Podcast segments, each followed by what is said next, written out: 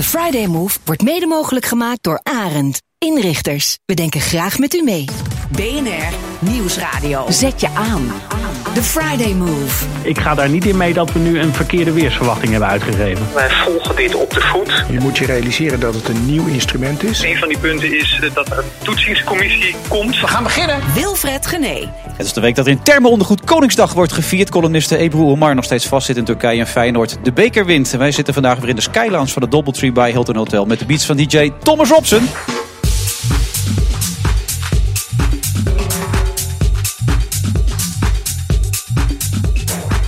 Hij overwon kanker en won in 2008 goud op de Olympische Spelen. Met zijn indrukwekkende levensverhaal staat mijn co-host van vandaag, Maarten van der Weijden, vanaf september in het theater. En zodra hij hier binnenkomt, dan kan hij ook mee gaan praten. Maar hij is er onderweg, dus we wachten nog even op hem. Maar gelukkig is journaliste Fidan Ekers inmiddels wel aanwezig. Hij maakt een documentaire serie over persvrijheid en vrijheid van meningsuiting, dictatuur en conflictgebieden. De actuele kan bijna niet. Haar eerste aflevering gaat over Turkije. En duurzaam ondernemer Ruud Kornstra schuift ook nog aan. Nog nooit kozen zoveel mensen voor een andere leverancier. En hij legt ons uit waar dat allemaal naartoe gaat.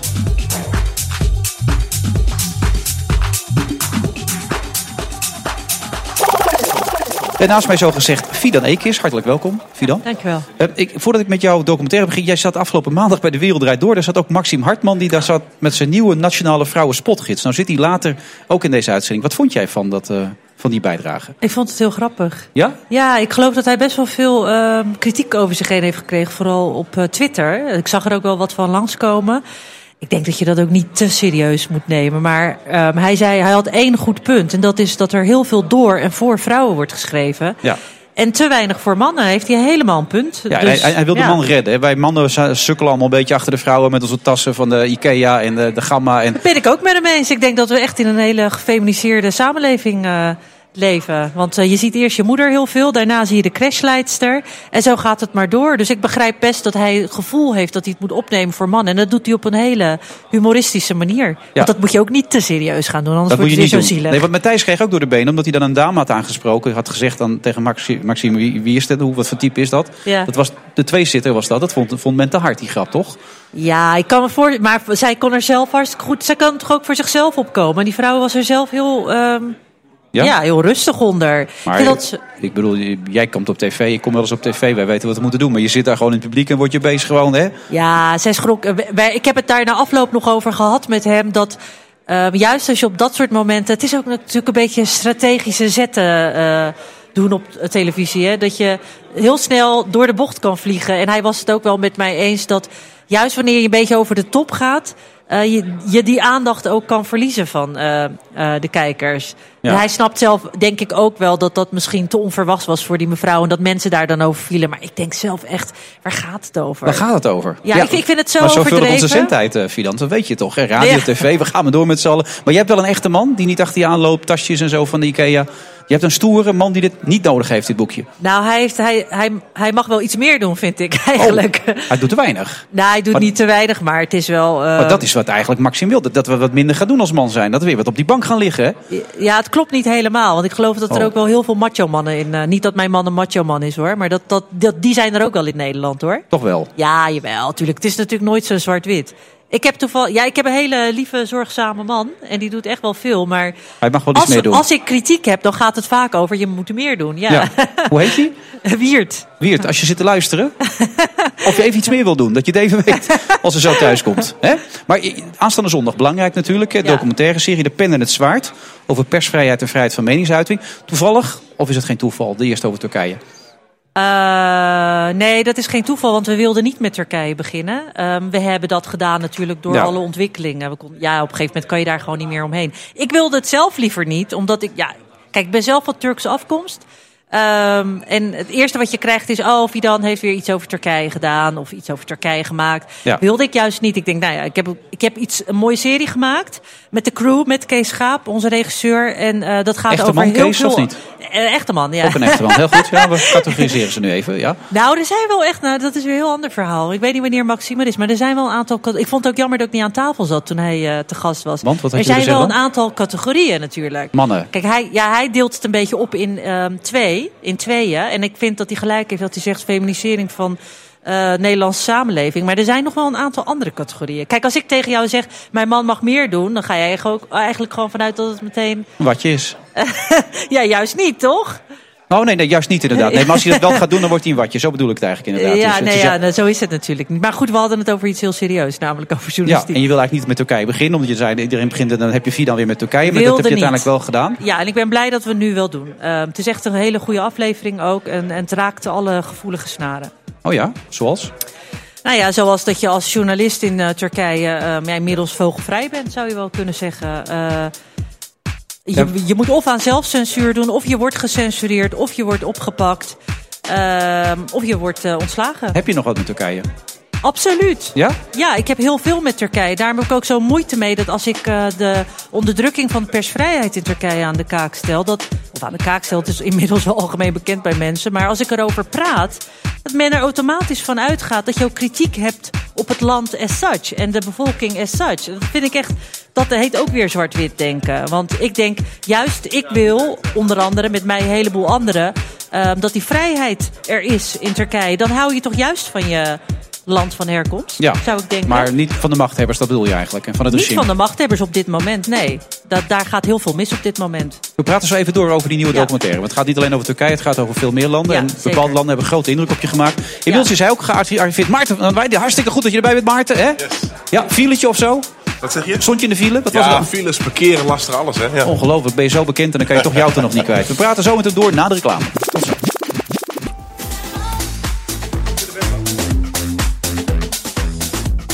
Hey, u luistert naar de Friday Move van vrijdag 29 april. Het is een beetje chaos. Nou, wat Maarten van der Weijden kwam iets later binnen. Dan gooi je dat programma gelijk helemaal om. Want Fidan Ekers zat er ook nog. En inmiddels is ook eh, Harry van Bommel aangeschoven. En Jeroen Stans. En we hebben het ook nog gehad over de man of vriend. Is het je man eigenlijk of je vriend, eh Wiert? Man. Je man. Die eh, redelijk macho is. Wel iets meer zou mogen gaan doen. Of is het ook wel weer een beetje een watje? Want eh, wat is het nou precies? Nee, het is geen macho. Het, het is gewoon het algemene ehm, welbekende verhaal van vrouwen, denk ik. Dat wij vinden dat mannen wel iets meer mogen doen.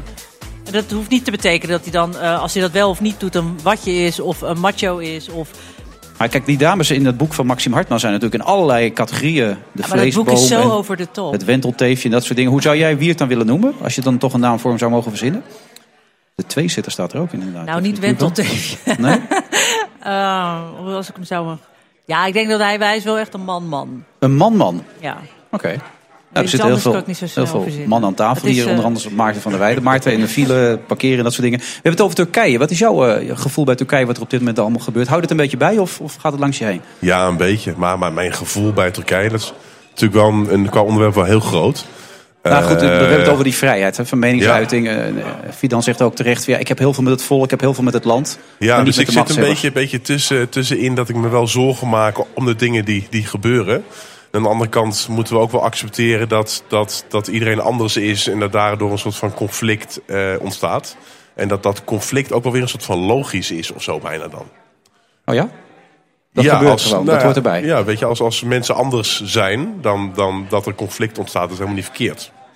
Harry van Bommel, dat is niet verkeerd. Nou ja, ik vind er eh, eh, in Turkije sprake is van een, eh, eh, het afgeleiden naar een autoritaire staat. Eh, allerlei eh, democratische en gewone burgerrechten worden ingeperkt. Het gaat over veel meer dan alleen de vrijheid van meningsuiting en persvrijheid. Gaat ook over politieke vrijheid, vrijheid van vergadering. Als je kijkt of de, eh, de reactie weer is in Zuidoost-Turkije op de Koerden, de ontwikkelingen daar. Er er leek sprake te zijn van een, van een vredesproces. Dat is helemaal weg. Ik ga er binnenkort naartoe. Ik vrees dat ik in eh Diyarbakir, in Cizre, in Soer... dat ik daar dingen ga zien die mij eerder doen denken aan oorlog... dan aan een vredesproces. Dus ik maak me zeer veel zorgen over de houding die er in de Turkse politiek is. Ehm, dat is namelijk een houding van eh, wij doen wat wij willen. En hoe de rest van de wereld er ook over denkt, dat maakt ons helemaal niets uit. Turkije is zich zeer bewust van de sleutelrol die ze speelt in het conflict rond Syrië. eh, in de opvang, de eerste opvang van vluchtelingen.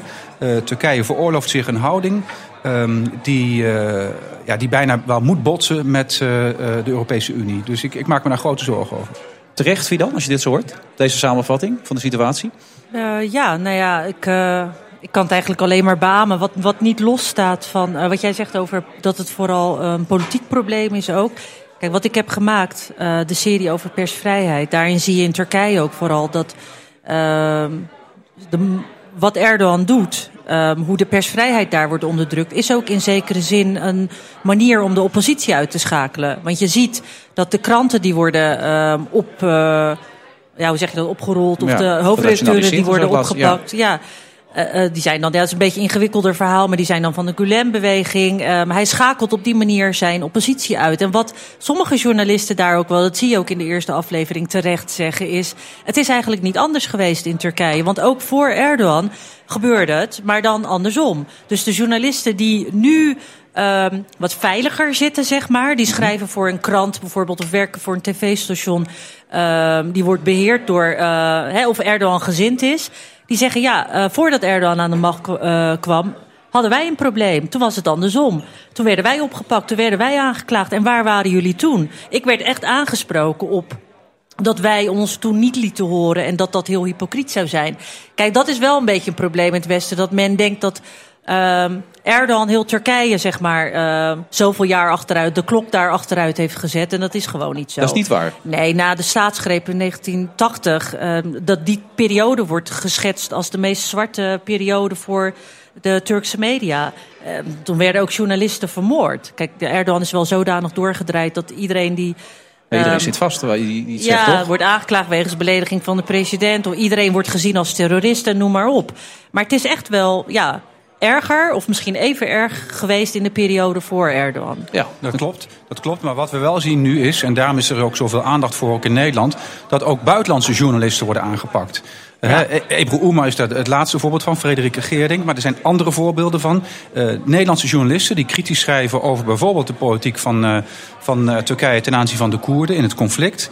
Eh, die journalisten die worden aangepakt. En dat leidt uiteindelijk tot zelfcensuur. We hebben het ook gezien bij de Turkse kranten zelf. Dat leidt tot zelfcensuur wanneer je krant gesloten wordt, wanneer mensen worden aangehouden. En we zien het ook in de politiek. Er zitten ook heel veel gekozen politici op grond van antiterreurwetgeving zitten gewoon vast, terwijl ze eigenlijk alleen maar gewoon politiek werk deden. Ja. En dat is een land wat bij de Europese Unie wil horen. Dat is een land waar we al heel lang mee in onderhandeling zijn over allerlei zaken. En dat land heeft nou de sleutel tot het vluchtelingenvraagstuk in handen. Ja, dan, dan ben je een beetje in de aap gelogeerd. Want uh, Europa zit met zijn vingers tussen de deur.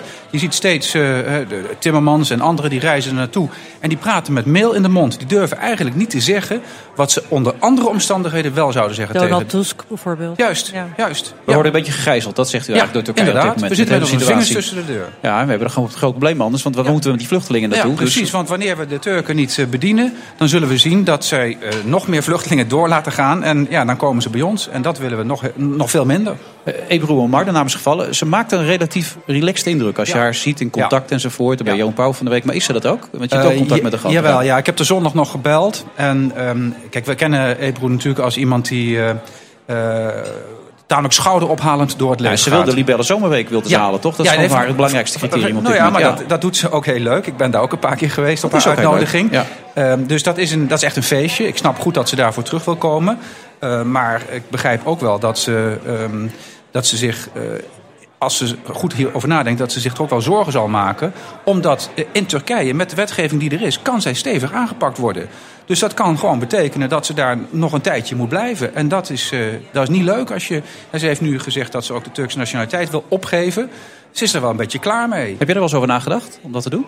Ja, ik eh, was hetzelfde van plan. Ik hoorde dat zij dat ook eh, van plan was om, haar, om dat op te geven. Ehm, puur uit zelfbescherming. Omdat ik wil meer maken in Turkije. Ik wil eh, me ver- verder verdiepen in de situatie van eh, journalisten daar. Eh, en om dat te kunnen doen, moet ik weten dat ik eh, ja, niet het risico loop om opgepakt te worden en 30 jaar of langer gevangenisstraf te krijgen. Ja, dus dat ga je binnen afzienbare tijd doen. Ja, ja dat, dat ben ik wel echt van plan om te doen, ja. En bij dat, wat zo interessant is, is dat ik daar heel veel reacties op heb. Want ik zei het gisteren ook op televisie. Ik heb daar heel veel reacties op gekregen. En dan word je door ehm, Turkse Nederlanders als landverrader gezien. Ik vind het heel interessant, dit wat we zeggen over Turkije... en wat Harry zegt over Turkije, dat klopt allemaal. Um, het is ook heel zorgwekkend. Wat ik heel interessant vind, is wat er parallel gebeurt... binnen, de, eh, eh, binnen Nederland, onder de Turken... maar ook in Turkije zelf. Dat als je dat ziet, dan denk je... wow, daar valt ook wel een hele...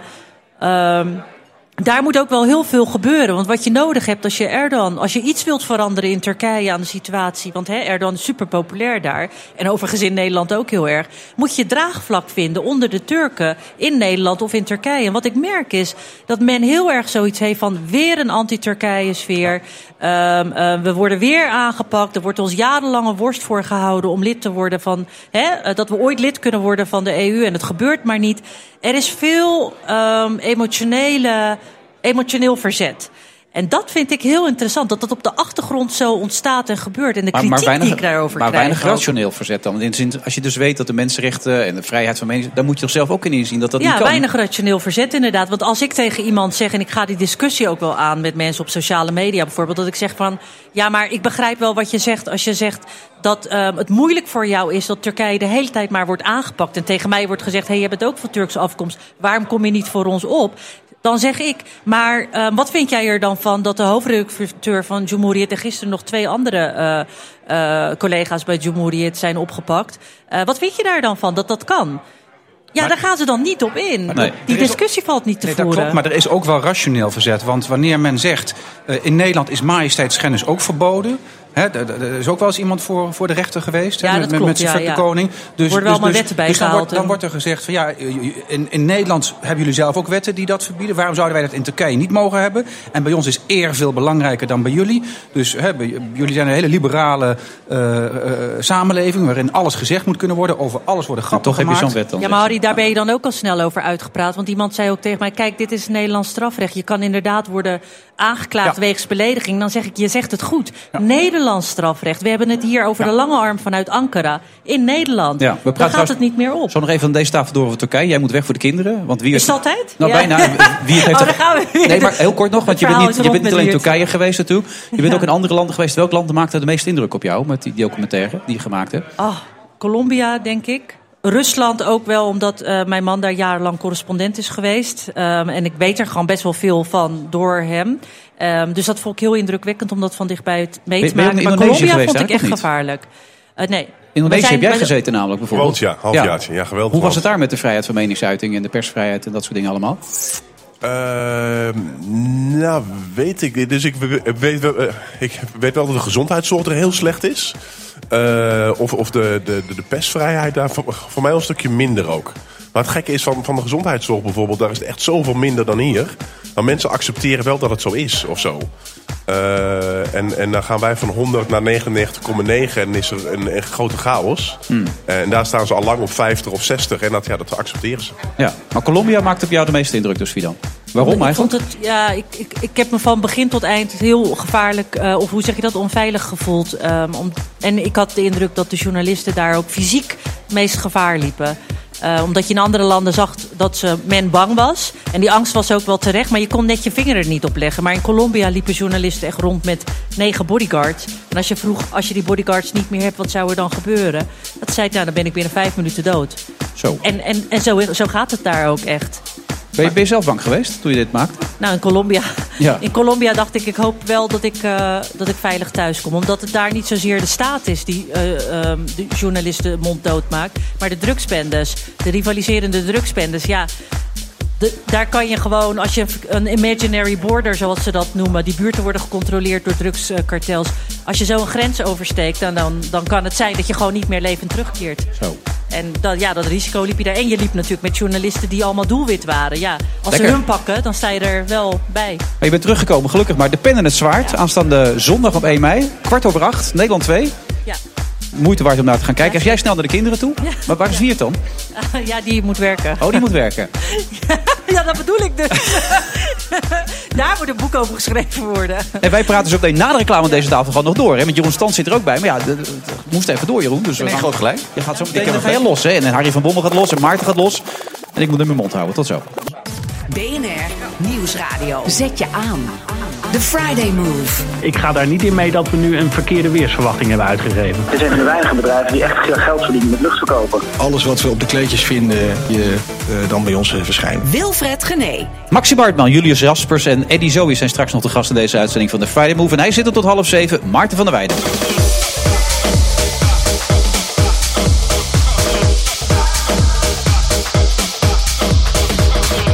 Allemaal live vanuit de Sky Lounge van het Doubletree bij Hilton Hotel. De beats zijn zij van DJ Thomas Ops en ik heb het al vaak aangegeven. Wilt u langskomen, doe dat gerust. Het is hier gezellig vol.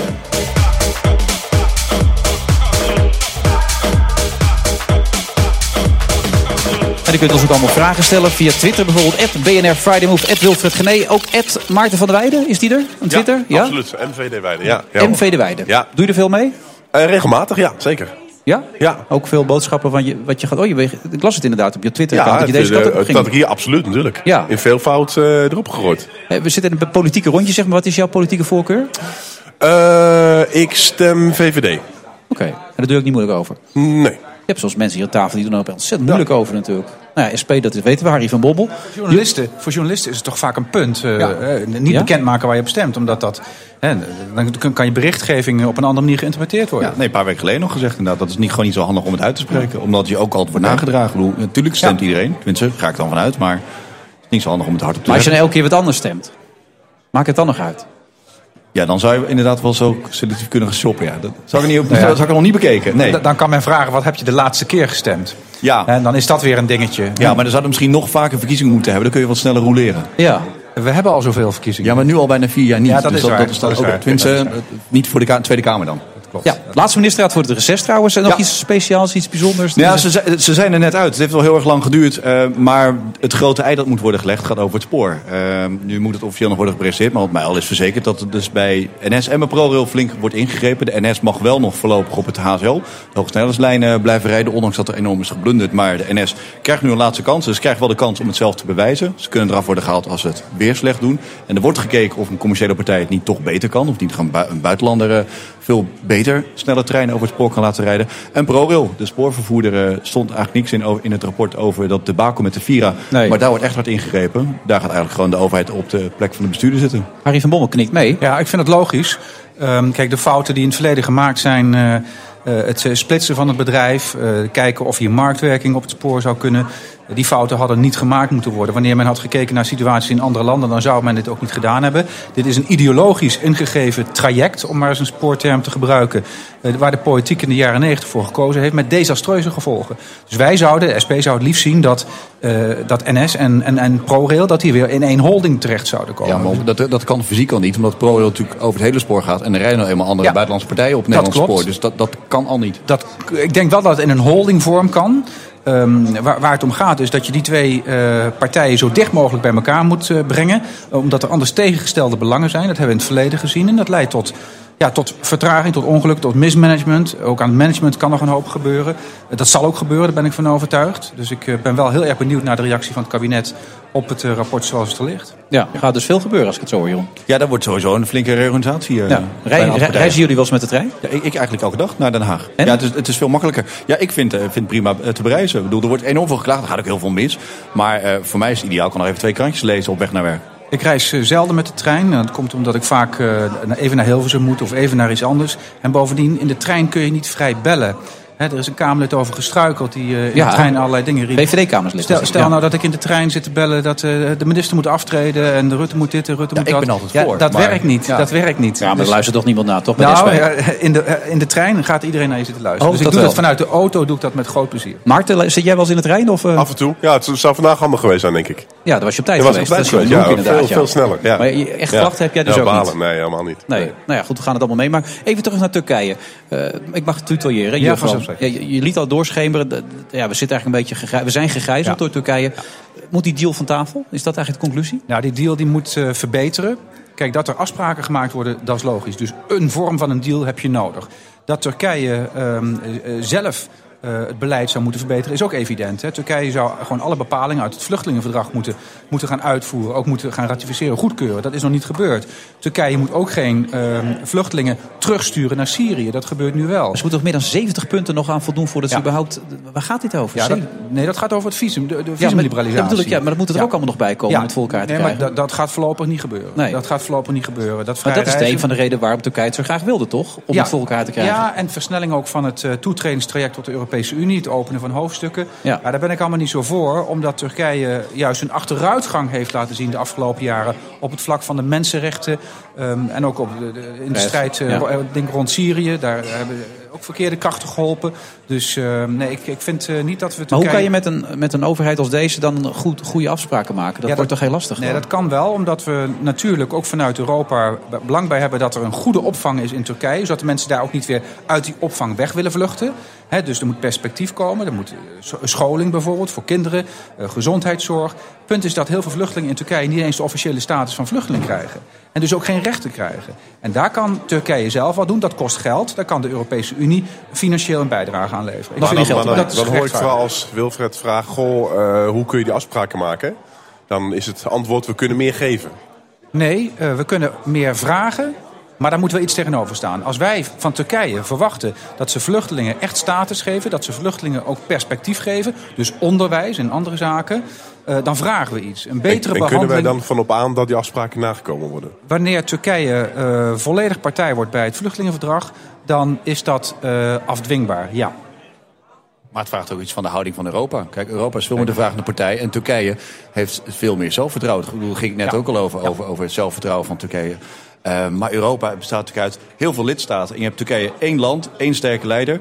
Ja, die, die, die, die staan veel steviger wat dat betreft. En eh, eh, niemand heeft ook, wel over die deal zelf... niemand heeft ook eh, van tevoren gezegd dat het de schoonheidsprijs verdient. Dat is ook wat premier Rutte deed het zegt. Nee. Maar er moest wel iets gaan gebeuren. Want de, de, de verdronken duizenden mensen. Het was ook een waanzinnig groot drama. Dat eigenlijk zijn- zijn, zijn weergaan niet kent in Europa. Dus er moest iets gebeuren. Nu ligt er een akkoord. En dat moet worden uitgewerkt. En ja, er valt heel veel op af te dingen.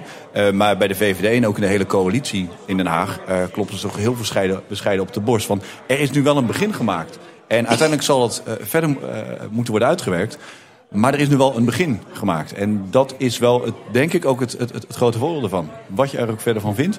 Maar de, ja, de situatie is beter als je gewoon puur kijkt naar die cijfers. Er heel vaak gewezen op dat premier Rutte zei... we gaan richting de nul. Dat Ja. er geen enkele vluchteling meer vanuit, eh, vanaf een Turks strand naar een Grieks eiland zou oversteken.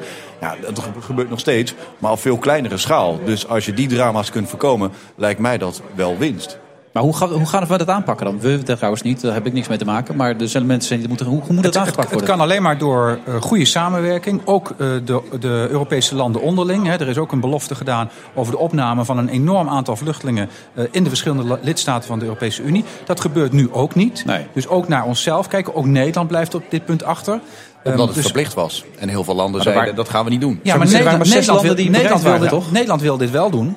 Nederland wil dit wel doen. Het komt alleen niet van de grond. Nee, Dus- maar er is nu net beloofd dat er 100 extra vluchtelingen kunnen, kunnen worden opgenomen door Nederland. Dus inderdaad, in die aantallen gaat het nooit lukken. Het gaat om 160.000 vluchtelingen in totaal. Nou, Er zijn nog geen duizend vluchtelingen overgehaald in een, wat is het, een half jaar tijd. Dus nee, dat zet absoluut geen zoden aan de dijk. Dat klopt. En eh, op dat vlak, het, wij hebben ook gezegd... Europa eh, gaat over grensoverschrijdende problemen. Dit is een grensoverschrijdend probleem. Dus dan vinden we ook dat er in Europa daar best dwingender afspraken gemaakt kunnen worden. Dat lidstaten die zeggen van nou ja, wij doen even niet mee... dat die op een of andere wijze daartoe wel gedwongen kunnen Maar hoe, worden. hoe dan? Want ik Nou bedoel, ja, er waren uiteindelijk zes landen die iets wilden doen. In Het heeft ook te maken met fondsen. Europa gaat ook over geld. Ehm, er zijn allerlei fondsen beschikbaar voor allerlei taken die door de lidstaten in de lidstaten worden uitgevoerd. Ook sociaal beleid, eh, allerlei fondsen. Dus op dat vlak eh, kun je ook eh, dwang en drang uitoefenen. Ook op die voormalige Oostbloklanden die allemaal Ja. een beetje aangeven. ja, want dat, dat zijn over het algemeen landen die nog meer ontvangen dan, eh, dan, dan, dan Nederland of anderen. We zijn Maar- allemaal netto betaler. Maar wat win je dan? Stel, je zegt tegen Polen, je moet 5000 eh, Syriërs opnemen. Polen wil het niet en die Syriërs willen zelf ook niet naar Polen. Dan duw je dat door de strot, dan gaan er 5000 eh, Syriërs naartoe. En na vijf jaar eh, kunnen die Syriërs alsnog gewoon door Europa gaan reizen. Dan, kom je toch niet verder? Nou, die termijn van vijf jaar waar het om gaat in Europa is natuurlijk dat we ook eh, zullen moeten, moeten streven naar terugkeer van vluchtelingen. Eh, de- de- uiteindelijk zal de situatie in Syrië zo moeten zijn. Hè, er, zijn er zijn miljoenen vluchtelingen uit Syrië. Ehm, en Turkije vangt er ook al heel veel op. En in de regio zitten er al heel veel in de buurlanden. Maar uiteindelijk moet de situatie in Syrië natuurlijk stabiliseren. En mogen hopen dat dat niet nog een keer vijf jaar gaat duren. We zijn nu al vijf jaar met een, eh, met een oorlog daar. Nog vijf jaar erbij. Dat betekent misschien nog hetzelfde aantal doden erbij. En dan zit je op een half miljoen of over een half miljoen. Is Turkije in staat om dit allemaal goed op te lossen? Met dit bewind deze, deze leider? Ik denk het wel. Ik denk het. Turkije is uiteindelijk wel een heel groot land. ehm, met, eh, met heel veel mogelijkheden. Eh, waar het nu aan ontbreekt, is de politieke wil. Dus eh, het vermogen is er denk ik wel, maar de wil nog niet. En we moeten in Nederland ook heel veel doen, hoorde ik Fidan Ekers net zeggen. Ja, dat is ook absoluut waar. Dat is absoluut waar, want ik maak Met me ook zorgen. Ja, ik maak mij zorgen over de tegenstellingen die ik nu zie. Bijvoorbeeld tussen eh, eh, pro-Erdogan-aanhangers en anti-Erdogan-Turken in Nederland. We moeten de tegenstellingen in Nederland moeten we niet importeren uit Turkije. Dat zou eh, tot gevaarlijke situaties kunnen leiden. Ja, de partij Denken die manifesteert zich heel aardig op dit moment wat dat betreft, Jeroen. Hè? Ja, ik vond het hele mooi omschrijven vandaag in NRC. Daar neemt ze eigenlijk uh, hult zich in een slachtofferrol en gaat van daaruit de confrontatie aan. Eigenlijk wel een mooie omschrijving. We hebben ze afgelopen week ook nauwelijks gezien toen het ging over... Uh, goh, wat vind je nou van die arrestatie van uh, Ebru? Uh, daar willen ze, da daarvan, de hele Kamer is boos op die arrestatie, vanwege die arrestatie. Behalve deze twee oud-PvdA'ers, die zijn opgestapt en dus een eigen partij zijn begonnen. Uh, maar zij, zij zeggen, ja, wij vertegenwoordigen niet een land, maar we vertegenwoordigen nieuwe Nederlanders. Zij kiezen een radicaal andere koers en denken daarmee ook een groot deel uh, van, een, van een achterban aan te kunnen spreken. En ik denk zelf, van alle afsplitsingen die er zijn in de Tweede Kamer, dat zij met afstand de meeste kans maken om na de volgende Kamerverkiezingen ook echt terug te keren met een paar zetels.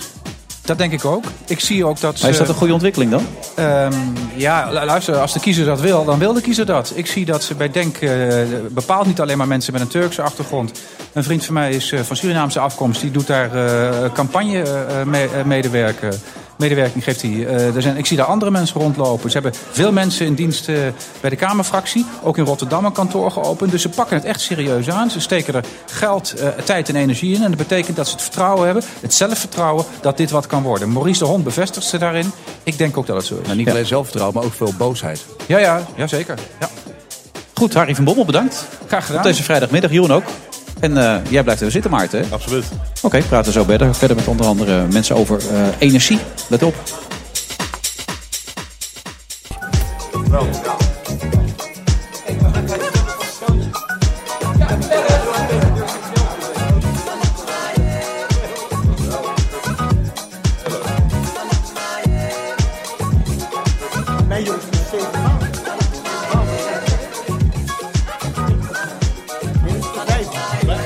29 april in het jaar 2016. U luistert naar de Friday Move. En dat allemaal vanuit de Sky Lounge van het Doubletree bij Hilton Hotel in Amsterdam. Uh, naast me nog steeds Maarten van der Weijden. Uh, zwemmer, dat ben je natuurlijk niet meer. Maar blijf je dat altijd een beetje als je dat eenmaal uh, op hoog niveau hebt gedaan of niet? Uh, nou, dat denk ik wel. En ik heb een paar weken geleden nog 42 kilometer in een zwembad gezwommen in 10,5 uur. Ja, voor het goede doel weer, hè, absoluut, toch? Ja, ja, om een heleboel geld binnen te halen.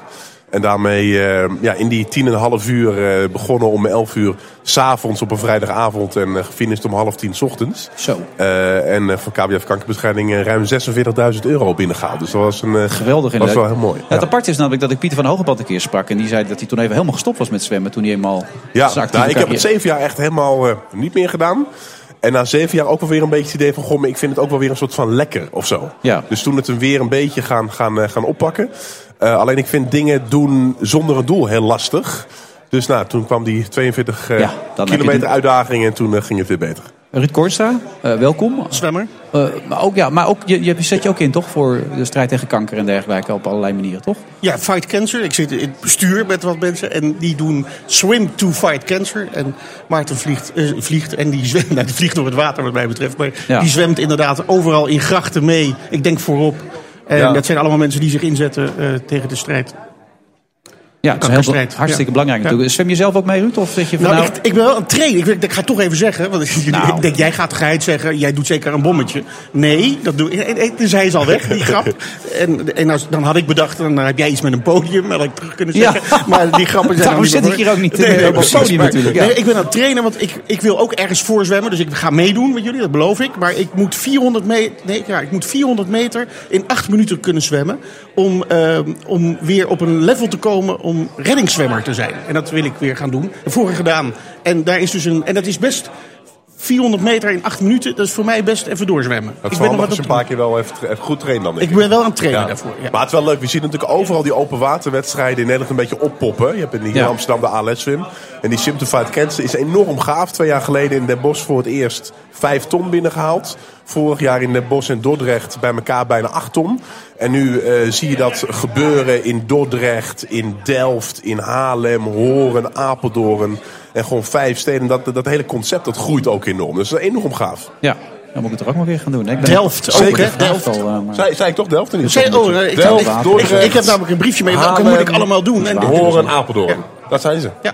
Nou, En we zijn eruit. Je zou net zeggen, we kunnen door met het volgende onderwerp. Ste- Steeds meer mensen wisselen van eh, energieleverancier. Ja. Meer dan ooit. Ja. Waarom noemen we dat? Nou ja, dat is natuurlijk ongeveer tien jaar geleden begonnen. Ik had toen een energiebedrijf. Ik begon met één klant, dat was mijn oma. En het bedrijfje heette Oxio. En toen dachten mensen nog, verwisselen van energiebedrijf, hoe dan? En dan ook nog groene stroom, wordt dan je licht groen en zo? Dat, was, nee, Ja. dat is niet zo. Ehm, nou, je ziet ehm, steeds meer bedrijven zien dat er handel in is om mensen eh, aan zich te binden. En dan komen dus cadeautjes. Dus je ziet een groei aan cadeautjes. En, eh, dat, eh, en het wordt steeds makkelijker en steeds gewoner om over te stappen. Dus, nou, maar dat gaat stoppen. Ik denk dat het nog even zo door. Het is een soort piramidespel. Dat We kan doen niet het, we doen het voor het geld natuurlijk al. We zijn Nederlanders. nou, toch? Dat is het belangrijkste drijfveer, ja, ja, maar als dat zo is, als dat zo is, dan gaat het dus mis. En ik denk dat je nu een nieuw soort energiebedrijf ziet komen. En daar lopen de mensen eigenlijk minder weg, veel minder weg. Ja? Dat zijn de bedrijven die zeggen, wij gaan geen energie leveren, maar wij gaan je helpen met je energievoorziening. En dat betekent eerst zorgen dat je minder energie verbruikt. Want het is natuurlijk heel atypisch dat je energiebedrijf bent en energie gaat besparen. Ja. Nee, zij zeggen, je betaalt ons een vast bedrag per maand. Dan heb je een abonnement bij ons. Dat is een vrij laag bedrag, maar daar kunnen zij van leven. En dan zeggen ze, dan begin eerst met te zorgen dat je bespaart. Isoleren, eh, andere lampen, nou, dat soort dingen. Vervolgens, ga zelf opwekken. Dat is ook slim. Nou, de mensen gaan zelf opwekken. Dat is namelijk een hele interessante zaak om dat te doen. En vervolgens heb je in Nederland altijd nog iets dat je een surplus, het laatste stukje moet je dan toch van het net hebben. Als Maar even, even tussendoor, ik, ik lees dat vaak zelf opwekken. Maar hoe doe ik dat dan als ik dat nu vandaag zou willen gaan doen? Als ik er zin in heb? nou, ik weet niet, heb je een, een, een dak op je huis? Ik heb een, oh, je bedoelt met zonnepanelen. Ja, maar ik heb, ik heb riet op het dak. Dat is een beetje Nee, maar heb je, heb je dan een tuin? Ik heb een tuin. Heb je een moestuintje? Moestuintje, Nou, ja. dan doe je naast het moestuintje een energietuintje. Leg je een paar zonnepanelen, een, een, een haagje eromheen. Nee, het is echt, je zit een beetje Echt waar? Zo simpel is het. Ja. En dat kan je ook met je... Met je nou, dat zie je dus gebeuren. Dus nu zie ik nu langzaam... Het is een beetje, wat je zegt, doet allemaal voor het geld. Het is een beetje zoals met eten. Ehm, je kunt natuurlijk heel goedkoop eten. Ja. En de, sommige mensen zeggen, ja, dan gaan we lekker goedkoop eten. Maar volgens mij moet je eens na gaan denken over gezond eten. Nou, Nou ja, daar ben ik dagelijks mee bezig, Nou, Ruud, dat, Dat nou, is mijn- dat mijn- vermoed ik al. Ja, Dus- dat is mijn ding. Nee, maar als je dus nou eten heeft veranderd voor stroom, ga je gewoon slim energie inkopen. En dat is gezond. Dat betekent dat je eh, je kinderen kunt laten fietsen, dat je een gezonde wereld hebt. Ja. En dat kost dan, lijkt dan in eerste instantie een beetje meer te kosten.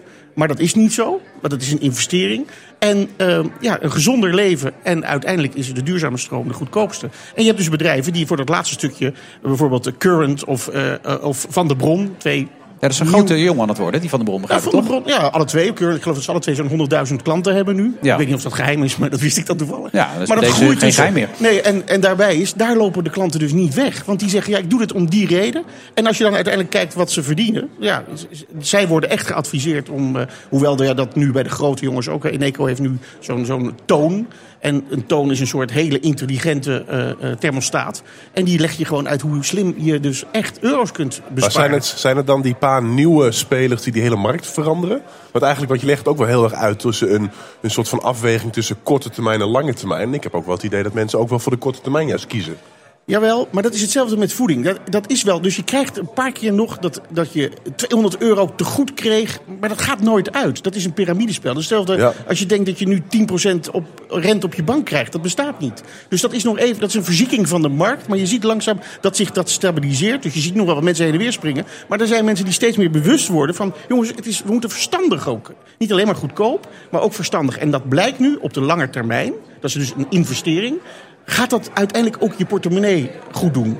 Nou, dat is, dat is hetzelfde als je gezond eet, dat je minder naar de dokter moet. Maar dat lastige is wel, met, met gezond eten merk ik natuurlijk, ik ben best bezig met die strijd in die voetbalkantines. Ik probeer natuurlijk heel veel mensen te bereiken. Dat het maar voor een relatief kleine groep mensen is die daarover na wil denken, er bewust mee bezig wil zijn en daar een keuze wil maken. Ja, voor de grote groeit. massa, Maar die groeit, die groep. die groeit wel. Ja, maar die dat groeit. gaat nog steeds met hele kleine Nou, stapjes. Ik weet niet hoe het met energie gaat, maar mensen zijn over het algemeen bezig met andere zaken. Vinden dit een ver van hun bed verhaal enzovoort. Maar dan zou je zeggen, al, want als, als dat groeit, dan zou je zien dat die overstaptrend juist zakt. Dat het aantal mensen wat overstapt kleiner wordt. Nou, Zie je er dat is, nu dus, al? er is een groep die, die elke dag switcht. Die heeft erbij daar een soort, er wordt een soort eh, sport van gemaakt om, Ja. te sto- om, om steeds die cadeautjes binnen te halen. Weer een, een overstapcadeautje. Die groep heb je. En je hebt de groep die steeds bewuster wordt. En die, dat is ook nog een grote, want er zijn 7 miljoen huishoudens in Nederland. Dus voordat iedereen, zie je aan de andere kant stabiliseren. En ja, dat is een Maar wat zou jouw nu, nu advies zijn voor ons hier aan tafel, voor Maarten en van mij?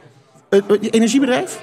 Ja, hoe zouden wij het nu het beste kunnen aanpakken? Nou, ik zou eh een van die energiebedrijven nemen die zelf geen energie opwekt. Want dat is een geloofwaardige. Mhm. Dus namelijk die wil niet energie verkopen, maar die wil zorgen dat jij een comfortabel leven hebt met slimme vormen van energie. Dus een partij die heel veel gas of heel veel kolencentrales of dat soort dingen heeft, die wil dat verkopen. Minder Die zijn verdacht, ja. Vind ik minder betrouwbaar, voorzichtig gezegd. En eh, ik zou dus een, een partij die je daarbij be- bemiddelt. En die geeft je een advies. En dat advies ehm, eh, dat is onderbouwd. Dat, het- dat je je geld terugverdient met een zonnepaneel. Dat je, dat je maandelijkse kosten naar beneden gaan als je duurzaam je huis inricht. En eh, dan wil je ook nog weten waar de herkomst is van de stroom die je dan uiteindelijk toch nog inkoopt. Voor dat stukje eh, eh, wat, wat je dan niet op je dak kunt leggen. En dat, moet een, ja, dat is leuk als je weet waar dat vandaan komt. Maar ondertussen, wij, wij Nederlands blijven zo'n beetje... We zijn de ene slechtste in Europa, geloof ik. op vijf- duurzaam- duurzaam vijf procent. Wij hangen onder, onder Bulgarije en Ja. Polen. Frankrijk sluit de rij, maar daarna komen wij. geloof ja, wij zijn echt heel slecht in implementatie. Maar dat ligt niet zozeer aan de consument. Want ik geloof dat ik geloof 70% van de consumenten, of 68% heeft groene stroom Ja. in Nederland. Dus die consument is niet zo slecht. Maar het is meer de toepassing zoals we dat, eh, noem het maar, industrieel en hoe de overheid dat inricht. Maar hoe gaan we dat veranderen dan? Ja, blijven beuken. Ja, Dus maar we- dat is, we- we- we dat is moeten wel een beetje dat je net vertelt met, het, met die voeding. Hoe moeilijk het is om mensen is uiteindelijk, zo. om het Is ook- brede publiek... En, en, maar dat is met voeding zo. Eh, het is toch bizar dat wij Coca-Cola, eh, dat het de sponsor is van, van de sportevenementen. Ja. En wat Coca-Cola zegt daarbij, ja, want dan krijg je energie van suiker en dan ga je sporten. Dat is natuurlijk bullshit. Nou, dit is net zo bullshit hoe Shell of eh, grote kolenbedrijven praten over energie. Dit is niet waar. het gaat de om belangen, De. BTW, Het gaat om belangen. Jawel, maar de BTW op cola is 6% en op tandpasta is 21%. Ja. Nou, die perverse prikkels moeten eruit. Maar dan zeg je, dan moet de overheidssubsidie groter worden. Nee, juist niet. Ze moeten juist stoppen met subsidiëren. De fossiele industrie, als, de, als echt de subsidie wegvalt, is nu duurzame energie al vele malen goedkoper. Als je je realiseert dat 94% van de oorlogen over olie en gas gaan, nou ja, ben je al klaar. Dus Ophouden. het gaat allemaal om belangen. En er zijn zoveel grote partijen die er nog helemaal Ja, geen belang bij hebben dat het zo gaat veranderen. Maar deze aarde is aan het zinken, dus we hebben met een gezamenlijk belang om ja, in een soort toch een beetje revolutie, opstand te komen. Ik ben het met je eens, Ruud. Maar de meeste mensen die in die leiding zitten, denken heel anders. Klopt eigenlijk. Die ja. denken, we moeten gewoon het bedrijf groot houden. dan we moeten we ze daar wegduwen. Ja. ze wegduwen. En dan ga je mee helpen. Ja, ik ben rugby, hè, dan ben je van wegduwen. Zwemmen, rugby, je kan veel, Ruud, Ja. wat dat betreft. Nou, Ja. succes daarmee. Wij helpen elkaar een beetje mee, toch Maarten? Klein beetje nieuw op zijn kan helemaal geen En kwaad. zwemmen, hè, voor Fight Cancer. Ja, is, eh, dat vind ik heel erg belangrijk. Ja. En dan praat ik zo weer door. Delft, Haarlem, Horen en Apeldoorn. Ja, maar mag je ook zo'n pak aan of moet je altijd in je zwembroek gewoon? Als jij dat wil, prima aanpakken. Oké, nou, tot zo, na de reclame. Ruud, bedankt. De Friday Move wordt mede mogelijk gemaakt door Arend. Inrichters, we denken graag met u mee. BNR Nieuwsradio. Zet je aan. The Friday Move. Ik ga daar niet in mee dat we nu een verkeerde weersverwachting hebben uitgegeven. Wij volgen dit op de voet. Je moet je realiseren dat het een nieuw instrument is. Een van die punten is eh, dat er een toetsingscommissie komt. We gaan beginnen. Wilfred Gené. De Friday Move live vanuit de Sky Lounge voor het Doubletree bij Hilton Hotel in Amsterdam. Met de muziek van DJ Thomas Robson.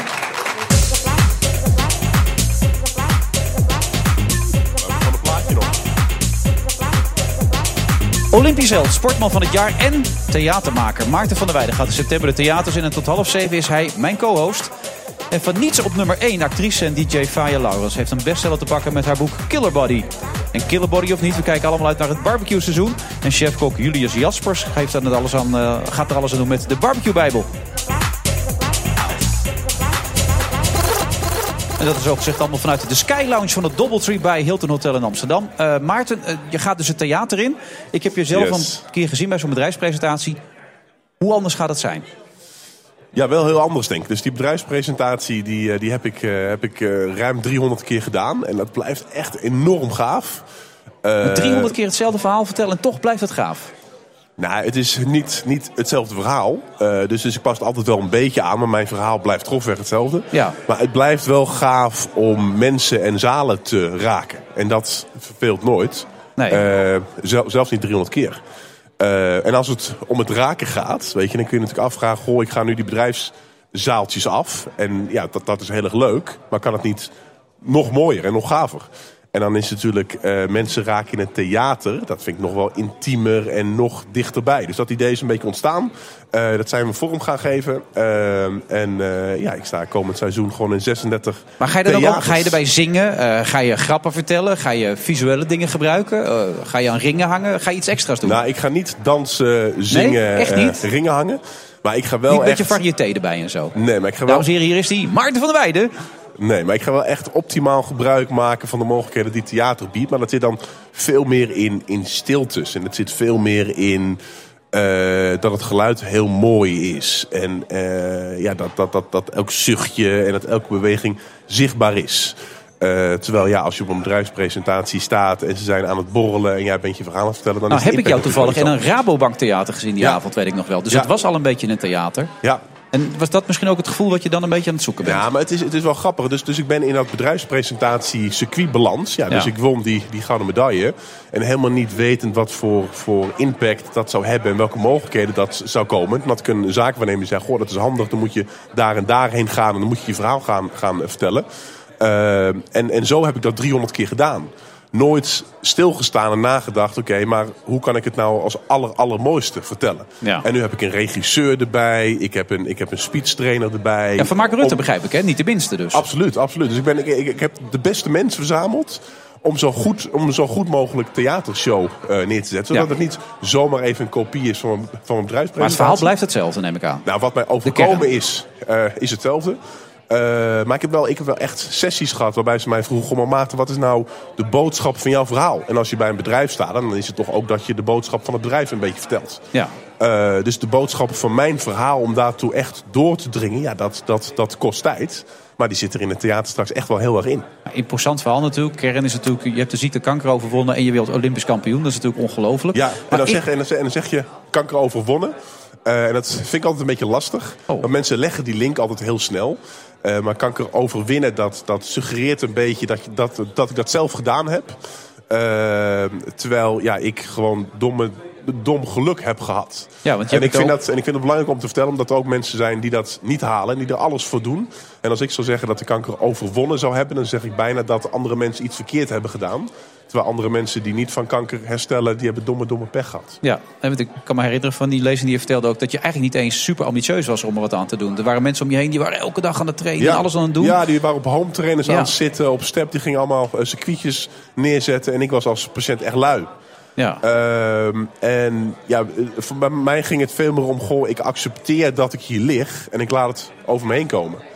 Ehm, en ik denk dat dat... we- We maken allemaal dingen mee die we liever niet meemaken. En dan kunnen we een heleboel frustratie over voelen. En dan kunnen we ons blijven malen van... wat kunnen wij hier nou aan doen? Wat hebben we verkeerd gedaan? Maar we kunnen ook denken... Goh, we hebben nu eenmaal pech. Ja. En die gedachte dat het gewoon pech is... Ja, die slaan we bijna over of zo. Eh, te- te- terwijl ik, ik het, het accepteren van pech is voor mij een heel belangrijk onderdeel. Waardoor ik me enorm kan focussen. Oké, wat kan ik dan wel veranderen? Eh, om in plaats van te blijven hangen in frustratie en... en, en, en Ja, de eh, factoren waar je zegt, daar heb ik vat op, daar doe ik wat aan. Daar wil ik wat aan Ja. doen. En die andere dingen die kunnen je overkomen. Ja. En dan kan het inderdaad een domme pech zijn. Dus ik zeg niet kanker overwonnen, maar kanker genezen. Hersteld, ja, Hersteld, genezen, ja. dat is wat je dan altijd zegt. Ja. Laten we zo door, Maarten. We hebben Yes. inmiddels ook muziek. Eh, ze zijn normaal gesproken met z'n zes, maar vandaag met z'n twee heb ik begrepen. En Anouk heeft ze al getipt. Schijnen echt ontzettend groot talent te zijn, deze mensen hier. Eh, ze heten vandaag, en ze heten altijd trouwens zo, de band Darlin. En het nummer heet I Still Recall. Geef ze hartelijk applaus, dames en heren.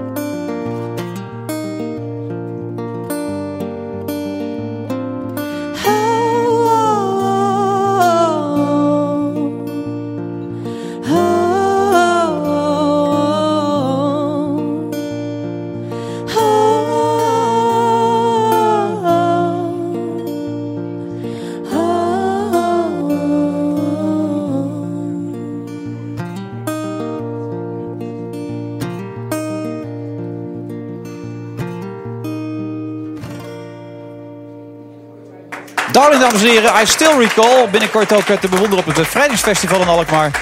En deze zomer staan ze ook nog op de parade in Utrecht. Darling, zo gezegd. Zometeen praten we verder onder andere met Faya Laurens over haar killer body. Tot zo.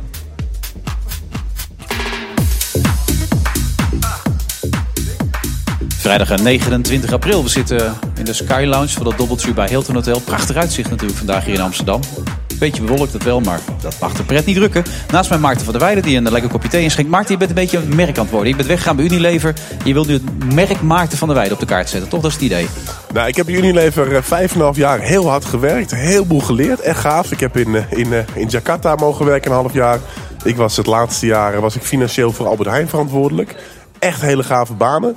Uh, maar na een tijdje was ik ook nog wel verbaasd over de rol die ik als Maarten van der Weijden de zwemmer nog kan hebben. Ja. Uh, via die presentaties. Ik zag de mogelijkheden van het theater aankomen. Nog steeds het zwemmen voor KBF kankerbestrijding, vrijwilligerswerk.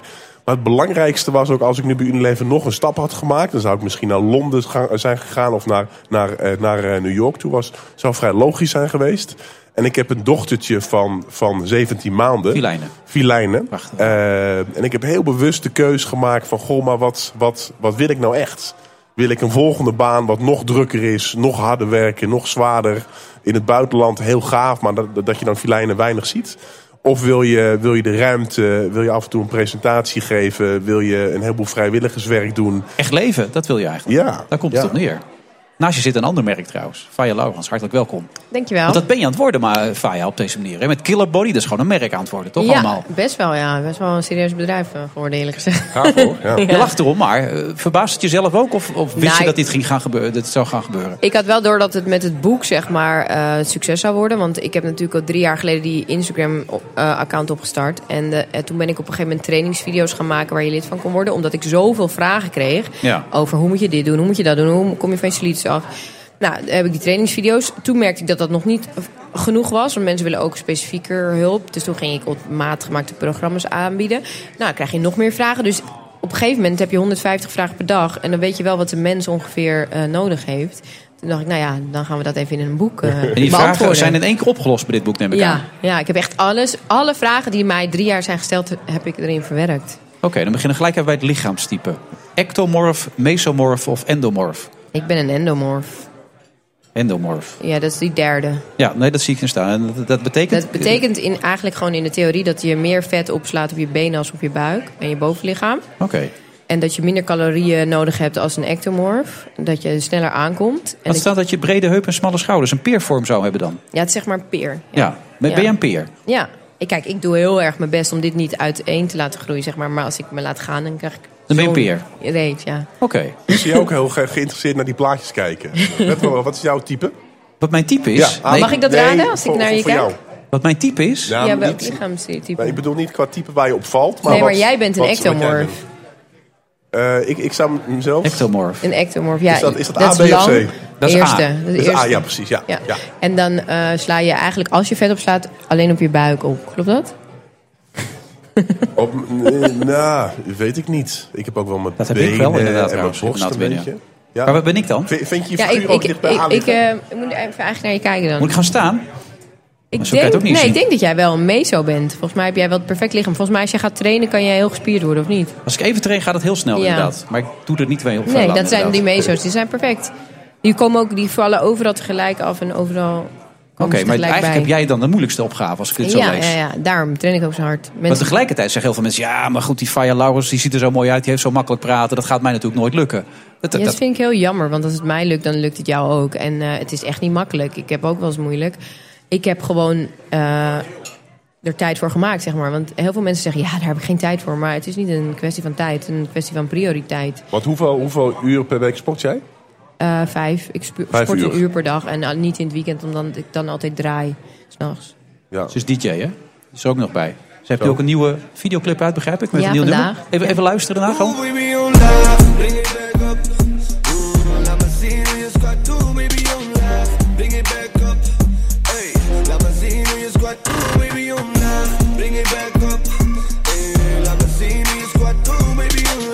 Nou, typisch BNR als je dit zo hoort, toch? Hè? Hartstikke lekker, man. Niks mis mee. Ja, het is, eh, het is een omschakeling, want ik heb eh, eigenlijk eh, vijf jaar lang house gedraaid. En tech house en techno en, en ook wel wat harder house. Maar ehm, ik ben sinds drie kwart jaar overgestapt op de urban eclectische scene. De En- urban eclectische scene. Ja, dus echt meer er alles door elkaar. niet meer in, merk het, is gewoon, maar- het is gewoon alles door elkaar, zeg maar. Mensen willen niet meer een uur lang hetzelfde deuntje, hetzelfde ritme. Mensen willen meer gewoon schakeling, bekende nummers, meezingnummers. En het is gewoon eclectisch, betekent volgens mij in het Latijns van alles door elkaar. En, eh, Dat zou je het moeten weten. Ik heb een klassieke opleiding gehad. Ik ga er even over nadenken. Maar ik geloof je meteen. Nee, maar Ja. in ieder geval, dit is dan de eerste plaat in die sound, zeg maar. En ik heb dan eh, dit met twee Nederlandse artiesten gedaan. En vandaag is ook de videoclip uitgekomen. Waar, eh, waar ik ook... eh, Naakt inzetten, heb ik begrepen. Dat je weinig kleding aan hebt. Ja, niks. Oh, waarom? Waar, waar heb je daarvoor gekozen? Ja, omdat mijn lichaam een brand is. En mijn lichaam verkoopt abonnementen. Dus ik dacht, ja, ik ga die omschakelen. De track gaat ook over squatten. Om- Daar heb ik expres voor gekozen. Omdat ik eh, die eh, omschakeling wil maken met muziek. En, of tenminste die twee... ehm, hoe, hoe noem je dat? Die twee kanten van mij wil samenbrengen. Die muziekkant en de volgers daarin. Hmm. En, eh, en ook mijn Killer Body eh, fanbase. Kijk je graag naar jezelf? Soms wel, soms wat niet. Wat minder. Wanneer kijk je niet zo graag naar jezelf dan? Ja, als ik niet tevreden ben. Maar zoals het er nu bij hangt, sorry, zoals het er nu bij staat, is het natuurlijk eh, weinig om zorgen over te maken, lijkt mij toch? Ja, ik zat net te vertellen dat mijn spierspanning spanning wel een beetje verdwenen is. Want eh, Ze maakt zich wel zorgen om vandaag. Ja, over de Nou ja, spierspanning. nou ja, ik heb, ik heb niet zoveel getraind. ik, zag, ik zag er binnenkomen. Ik dacht, die spierspanning is in orde. Maar, Ja. Nee, maar dat merk je echt aan jezelf meteen. Ja, als je ja, niks ik doet. heb nu heel weinig getraind deze week. Dus dan zie je gewoon die spierspanning minder zijn. Maar dat geeft niet. Dit is zo weer aan na een week. Ben, ben je ook met dat lichaam al die tijd zo bezig geweest toen je op dat niveau aan het zwemmen was? Ja, sliep in tentjes en dat soort dingen allemaal. Lichtpetten op. Nee. Had je ook ik- niet wel- een, bepaald dieet toen? Nou, ik moest vooral eh, gewoon heel veel eten. Ja. Dus, dus ik, ik zwom elke dag zeven uur. Oh jeetje. Ehm, eh, maar het, het, weet je, het was natuurlijk niet dat ik sportte voor hoe mijn lichaam eruit zag. Het was echt sporten voor die prestatie. Ja, maar dan moet je dus... eh, Je verbrandt heel veel. Dus Ja. hoeveel calorieën had je dan? Geen idee, veel. Echt veel, ja. Wat, dat heb jij in het boek heel duidelijk erbij gezegd. Je kan nog zo hard trainen, maar als je niets aan je voeding doet... Ja, dus voedingsstof is echt wel het belangrijkste Ja. waar je aan moet werken, toch? Ik heb een jaar lang echt voor niks getraind. Toen bleef ik lekker gewoon alles vreten. En toen Want weet je wat? Het, ze hebben zelfs een onderzoek gedaan. Eh, twee partijen, zeg maar twee groepen mensen. En de ene ging ze eetvoeding aanpassen en de ander niet. Die ging, ze gingen allebei trainen. Ja. En die mensen, zeg maar, eh, die niet hun voeding aanpasten, die waren zelfs nog dikker geworden tijdens dat ze trainden. Omdat ze dachten, ja, ik heb nu getraind, Ja. nu kan ik wel wat meer eten. Maar mensen denken echt dat je duizend calorieën verbrandt tijdens een training. Maar als je echt heel hard je best doet met krachttraining, verbrand je misschien 300 calorieën. Maar dan moet je wel echt pittig trainen. Nou, en een snicker die ze dan vervolgens naar binnen werken, omdat ze denken, ja, ik heb getraind, die is dan 500 calorieën. Is er dan ook zo, moet je dan een soort van hongergevoel weerstaan bijna? Als je te dik bent, dan eet je waarschijnlijk te veel. Dus als je dan gaat minderen, dus je gaat in je caloriebehoefte naar beneden, dan zal je wel honger krijgen, ja. Het, wordt met 80% bepaald, eh, bepaald eh, goede voeding, afvallen Ja. of niet. Dat is echt extreem veel natuurlijk als je erover nadenkt. Ja. Ehm, even kijken wat er allemaal met je gebeurt op dit moment. Hoe succesvol is dit? Hoe kan dat dat boek zo succesvol is eigenlijk? Snap je dat die op één is gekomen? Dus dat is bijna nooit voorgekomen, begrijp ik, hè? Nee, bij boek. mijn uitgever, dat is de allergrootste, Cosmos, is het nog nooit voorgekomen. En die bestaat echt al, weet ik veel. Maar is hij vanaf niks op één of zie Ja. je hem... Nee, hij is Echt vanaf waar? niks Zo, op van in één. één keer boem op één. Zo, de huur. maar, dan, maar dan weten jullie wel aantallen ook. Hoeveel er verkocht zijn. Nou, ik weet alleen in de pre-sale wat er is verkocht. En? Zeg maar voordat we live, voordat de, dat hij in de winkel lag, eh, was de eerste en de tweede druk al uitverkocht. Dus En de eerste tweede druk was? Volgens hoeveel? mij was de eerste 15 en de tweede 10. Ja. En dat was voordat ik. eh, Dus je in had al winkel lag. 25.000 boeken verkocht voordat je de de winkel in winkel, ging. Ja. Zo, dat maar zijn dan, echt dan, cijfers dan waar... zit je eh, nu op druk 5 al. Ja, we zitten nu op de vijfde druk. En die derde, vierde, dat was, was ook allemaal 10.000, 15.000. Ja. Dat is echt knap hoor. Dat is echt Veel, heel bijzonder Ja. inderdaad. En dat geeft aan dat er enorme behoefte is. Ja, en dat is Tegelijkertijd... echt ontzettend mooi. Ik werd helemaal emotioneel de dag dat het uitkwam. Want toen, de dag dat ik die lancering had, toen kwamen ook al die boeken binnen hè, bij die mensen. Nou, mijn Instagram stond helemaal vol. Helemaal vol. Dus met foto's uit het boek. En we zijn je zo dankbaar. En ook de recepten, die maken Ja. de mensen. En die fotograferen ze dan. Dus ja, Maar ik heel vind, ik vind het ook vooral echt heel gaaf dat je zegt dat het niet alleen... Goh, ik heb een boek geschreven, hier is het. Maar dat je zegt, goh, maar ik heb dit jaren op mijn Instagram... en ik heb jaren met, ja, met, met mijn consumenten gepraat... waardoor Ja. ik weet wat, wat zij willen. Ja, ze willen gewoon heel veel dingen weten. Weet je wat het is? Op internet, dat heb ik zelf ook meegemaakt, vind je zoveel informatie. En vooral die fashion blogs, die denken, oh, fitness is hip, we gaan even iets leuks posten. Eh, Ja. ja. je valt af van citroensap, bij wijze van spreken. Dat zijn gewoon fabels. En Maar- daardoor, als jij zeg maar geen kennis hebt, denk je, oh, ik moet boter in mijn koffie doen, dan val ik af. Omdat je dat weer ergens op een blog leest. En ja, ik heb gewoon dit boek zeg maar uit eigen ervaring geschreven. Maar we hebben ook alle feiten en onderzoeken bij elkaar Ja. gepakt. Eh, bijvoorbeeld over een koolhydraat, wat doet het met je lichaam? En dat in Jip en Janneke taal Is, is er een wetenschapper die je, die je geholpen heeft ook? Nee, ik heb gewoon heel veel onderzoeken bij elkaar ge- gezocht, zeg maar. En dat samen met een schrijfster in kinderboekentaal vertaald. Want ik heb die onderzoeken bijvoorbeeld gelezen. En dan moest ik ze soms drie keer lezen voordat ik ze snapte. Ja. En dan nog snapte ik het niet helemaal, weet je wel. Dus ik dacht, nou, dat moet toch anders kunnen. We moeten dat gewoon simpel opschrijven. En dat krijg ik nu ook als reactie. Het leest zo makkelijk weg. Ik heb hem in één dag uitgelezen. Weet je, het is gewoon een heel makkelijk boek waar alles in staat. En iedereen kan een killerbody krijgen? Tuurlijk. Echt Als waar? ik het kan, kan jij het dan. Echt waar? Ja. Nou ja. Maar voor iedereen is een killerbody ook iets anders, hè? Ja, ik ken ook mensen die vinden zichzelf dat ze een killerbody hebben. En dan denk ik, ja, ja, dat is weer wat anders natuurlijk. Hè? Ja. Maar goed, eh, ontzettend gefeliciteerd met alles wat er gebeurt op dit moment. Het merk Faya Laurens gaat als een, eh, als een tierenlier. Ja. Wat is het volgende? Ik eh, kom over anderhalve maand met een eh skincare lijn op de markt, genaamd Faya. Eh, met eh, nul parabenen, nul ehm, conserveringsmiddelen en eh 100% natuurlijk. We hebben een eh, pompje ontwikkeld, vacuüm, waardoor er geen conserveringsmiddelen bij hoeven. Want mijn haar is onlangs afgebroken tijdens blonderen. En Oh jee. daardoor ben ik heel erg gaan verdiepen in eh, chemicaliën in, die in huidproducten en haarproducten zitten. En toen dacht ik, ja, moet gewoon iets veranderen. Want we smeren gewoon al die dure crèmes op ons gezicht. Maar die zijn gewoon hartstikke giftig. Het houdt gewoon niet op, Faya, als ik het zo hoor. Succes daarmee. Dankjewel. En tot de volgende keer. Dankjewel. Killerbody, Faya Laurens. Wij gaan zo verder. Tot zo. BNR Nieuwsradio. Zet je aan. The Friday Move. Ik ga daar niet in mee dat we nu een verkeerde weersverwachting hebben uitgegeven. Het is een van de weinige bedrijven die echt veel geld verdienen met luchtverkopen. Alles wat we op de kleedjes vinden eh, tijdens Koningsdag, dat zie je eh, dan bij ons eh, verschijnen. Wilfred Gené. Het is de dag dat we massaal last minutes boeken naar de zon. En Faya Laurens haar hitsingle Squad heeft uitgebracht. En tot half zeven is hij mijn co-host, voormalig zwemmer. Maar het is eigenlijk nog stiekem een beetje. Maarten van der Weijden.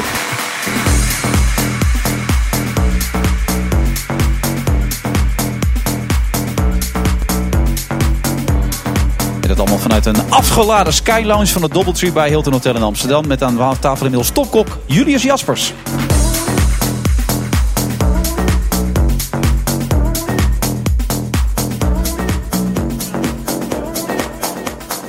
En Maarten van der Weijden die mag graag veel eten tijdens zijn actieve carrière, begrijp ik dus. Wat, wat was veel dan? Wat at je dan? Ik had eh, dan ochtends voor het trainen om een uurtje of zes... had ik voor mij vier boterhammen.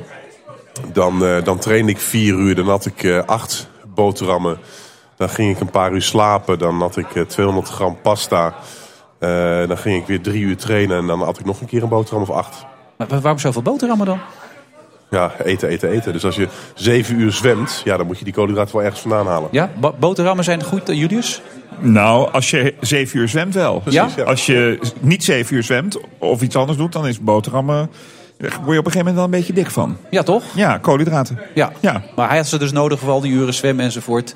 Een zeven uur is best een end. Ja, dat Ja. is een heel eind inderdaad, ja. Ja, En er was altijd maar, alleen maar die stip aan de horizon. Altijd heen en weer, zeg maar. Ja, maar die stip in je hoofd, die zag je dan steeds. Van, ik wil die gouden medaille. En dat nou, was... het, het gekke is dat, dat, dat ik ook eigenlijk wel het leven leuk vond. Dus achteraf, eh, want als, ik- als ik dan mijn verhaal vertel, dan, dan, dan vragen mensen ook maar... Goh, maar Maarten, hoe heb je dat volgehouden? Hè? Dus zeven uur per dag zwemmen en ik had een hoogteteentje waar ik 15 uur per dag in eh, zat. Ja, dan ligt pet 's ochtends op. Als dus je had, toen, dus ik had allemaal hele rare dingen. Eh, en het gekke is, als ik daar nu naar terugkijk... had ik eigenlijk een heel prettig en fijn jaar. Eh, en ik denk dat dat heel erg te maken heeft met dat... dat ja, wat, wat mij drijft is elke dag beter worden. Eh, en dan in dat tentje en in, in dat zwembad zeven per dag zwemmen... dat was, was puur wie ik wou zijn. Elke dag beter worden. Ja. En elke dag heel hard trainen. Is dat ook jouw drijf, Julius? Of?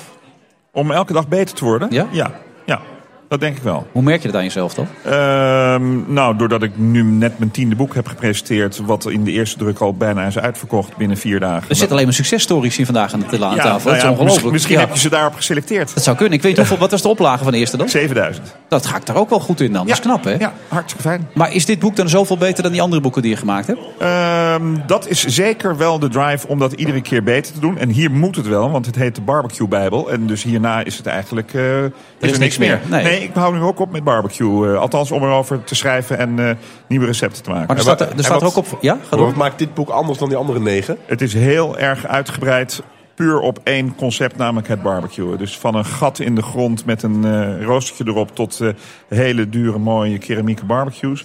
En dan wat erop staat van asperge tot zweesrik. Dus heel veel groenten, heel veel desserts, heel veel... eh, Maar daar denk ja. je toch niet gelijk aan bij een barbecue van asperges tot zweesrik? Dat klopt helemaal. Ja, maar dat is wel heel erg lekker. En in andere landen, bijvoorbeeld in Argentinië, is zweesrik ongeveer het eerste wat er op de barbecue eh, gaat. En in Zuid-Afrika bijvoorbeeld dan? Wat gaat er als eerste op dan? Ik heb geen idee. Oh, ik dacht dat staat misschien wel in het boek, maar Nee, dat is dus niet nee, het geval. Nee, nee ik, hou me, ik probeer me er wel zoveel mogelijk aan te houden. Dat het is een boek wat ik in Nederland verkoop.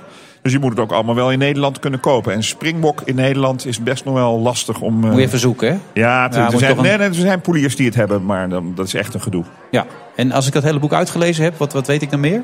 Wat is de kern ervan? Nou, dan weet je op zich eh, eh, best wel wat van barbecuen. Dat wil nog niet zeggen dat je het ook kan. Oh. En een hele dure barbecue kopen wil ook niet zeggen dat je het kan. Maar het heel vaak doen, dan gaat het wel steeds beter.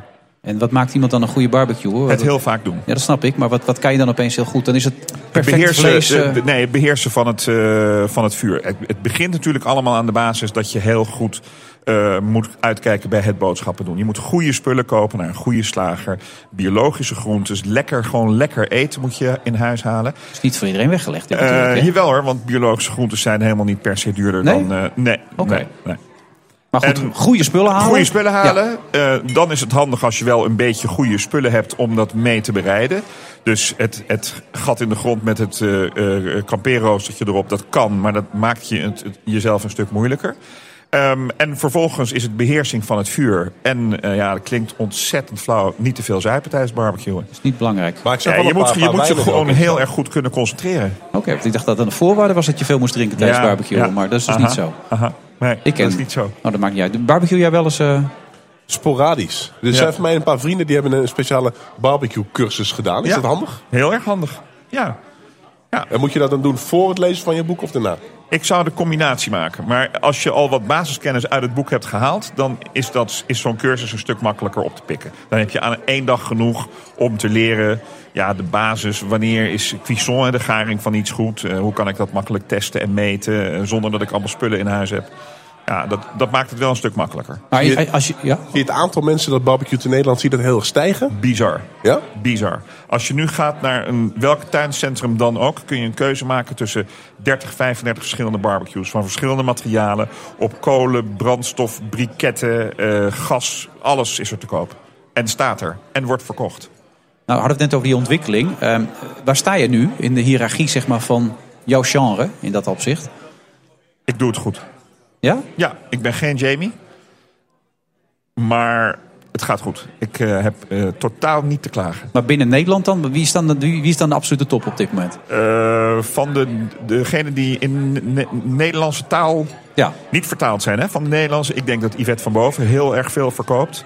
Mieke Kosters verkoopt ongelooflijk veel. Maar ja, die, die haakt natuurlijk receptuur aan goed op gewicht blijven. Ja, wat, wat Faya trouwens een beetje doet, wat we net hadden. De killerbody natuurlijk. Maar, Ja. maar, en, en, maar is er dan bij jullie ook een soort eredivisie of een Champions League van koks, chefkoks die echt de beste zijn, zeg maar? En dan hebben we het over het verkopen van boeken. En, Nee, nee, en- meer en van, of het maken Nee, van het- boeken. Jullie werken, je bent toch een, een chefkok neem ik aan, die Ja, ja, ja. op hoog niveau eh, ja, acteert. maar ik ben niet een sterrenchef. Dus daar begint het al meteen. Ik ben van gewoon heel lekker eten maken. Dus Ja. ik heb een bar en grill. Daar maak ik heel lekker vlees en vis en groenten van Maar ook. Aziatisch heb ik begrepen, toch? heb Happy, happy, joy, joy. Happy Happy Joy Joy. Aziatisch streetfood restaurant. Ja. Over zes weken gaat de tweede open. Gaat goed dus allemaal. Ja, gaat heel goed. Ja. Is er een soort van hiërarchie tussen onder de chefs dat een sterrenchef vindt die jouw werk in jouw boek ook gaaf en mooi? Of kijkt hij daar een beetje op neer omdat hij de sterrenchef is en jij eh, populairdere dingen doet? Nee, wat, kijk wat ik staat to- totaal niet op neer. Het is zelfs zo, ik heb een- in een van mijn boeken heb ik ook een aantal sterrenchefs uitgenodigd om mee te doen.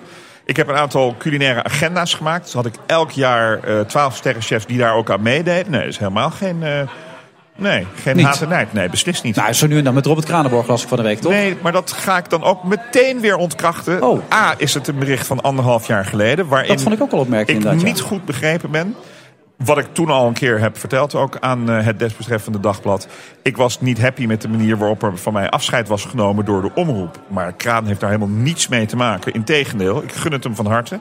En ik was gelukkig een uur nadat het bericht dinsdag in de media kwam... was ik op zijn eh, receptie, feestelijke receptie... vanwege het eh, krijgen van een ridderorde. En eh, binnen één minuut was dat allemaal weer van de baan. Ja, want jullie zijn nog steeds close, dus begrijp ik hieruit. Dikke mate. Ja, en waar staat Robert eigenlijk op dit moment dan? Helemaal bovenaan. De allerhoogste, ja? Ehm, ja, samen met Jonny Boer, Jacob Jan Boerma. En zo zijn er nog wel een aantal Ron Blauw, een aantal grote 1, 2, 3 sterren koks. Maar Rob is nu toch wel, ja, dat is wel redelijk sinds Cas Spijkers er niet meer is. Ja. Staat Rob nog redelijk hoog. Ja, nee, ik heb met hem mogen werken de afgelopen jaren een paar keer. Dus echt heel bijzonder Nee, inderdaad. is En het hij ook. echt- een fabelachtige encyclopedische kennis. Ja. Ja. Wat is nou je eigen ambitie? Nu je het tiende boek hebt, en het wordt steeds beter. Het is de Bijbel. Beter kan dus eigenlijk niet. Wat, waar ligt nu je andere ambitie dan nu? Ehm, we gaan van Happy Happy Joy Joy een, eh, een nog groter succes maken dan het nu al op één locatie is. Dat is een grote ambitie. Wat is, Ehm, het geheim van het succes dan? Waar komt het door dan? Eh, lekker eten, niet veel geld, coole ambiance, duurt ook allemaal niet te lang. Ehm, dus uiteindelijk is het de smaak. Als het niet lekker is, komen de mensen niet meer terug. Nee. Kook je dan zelf ook nog wel eens? Of? Nee.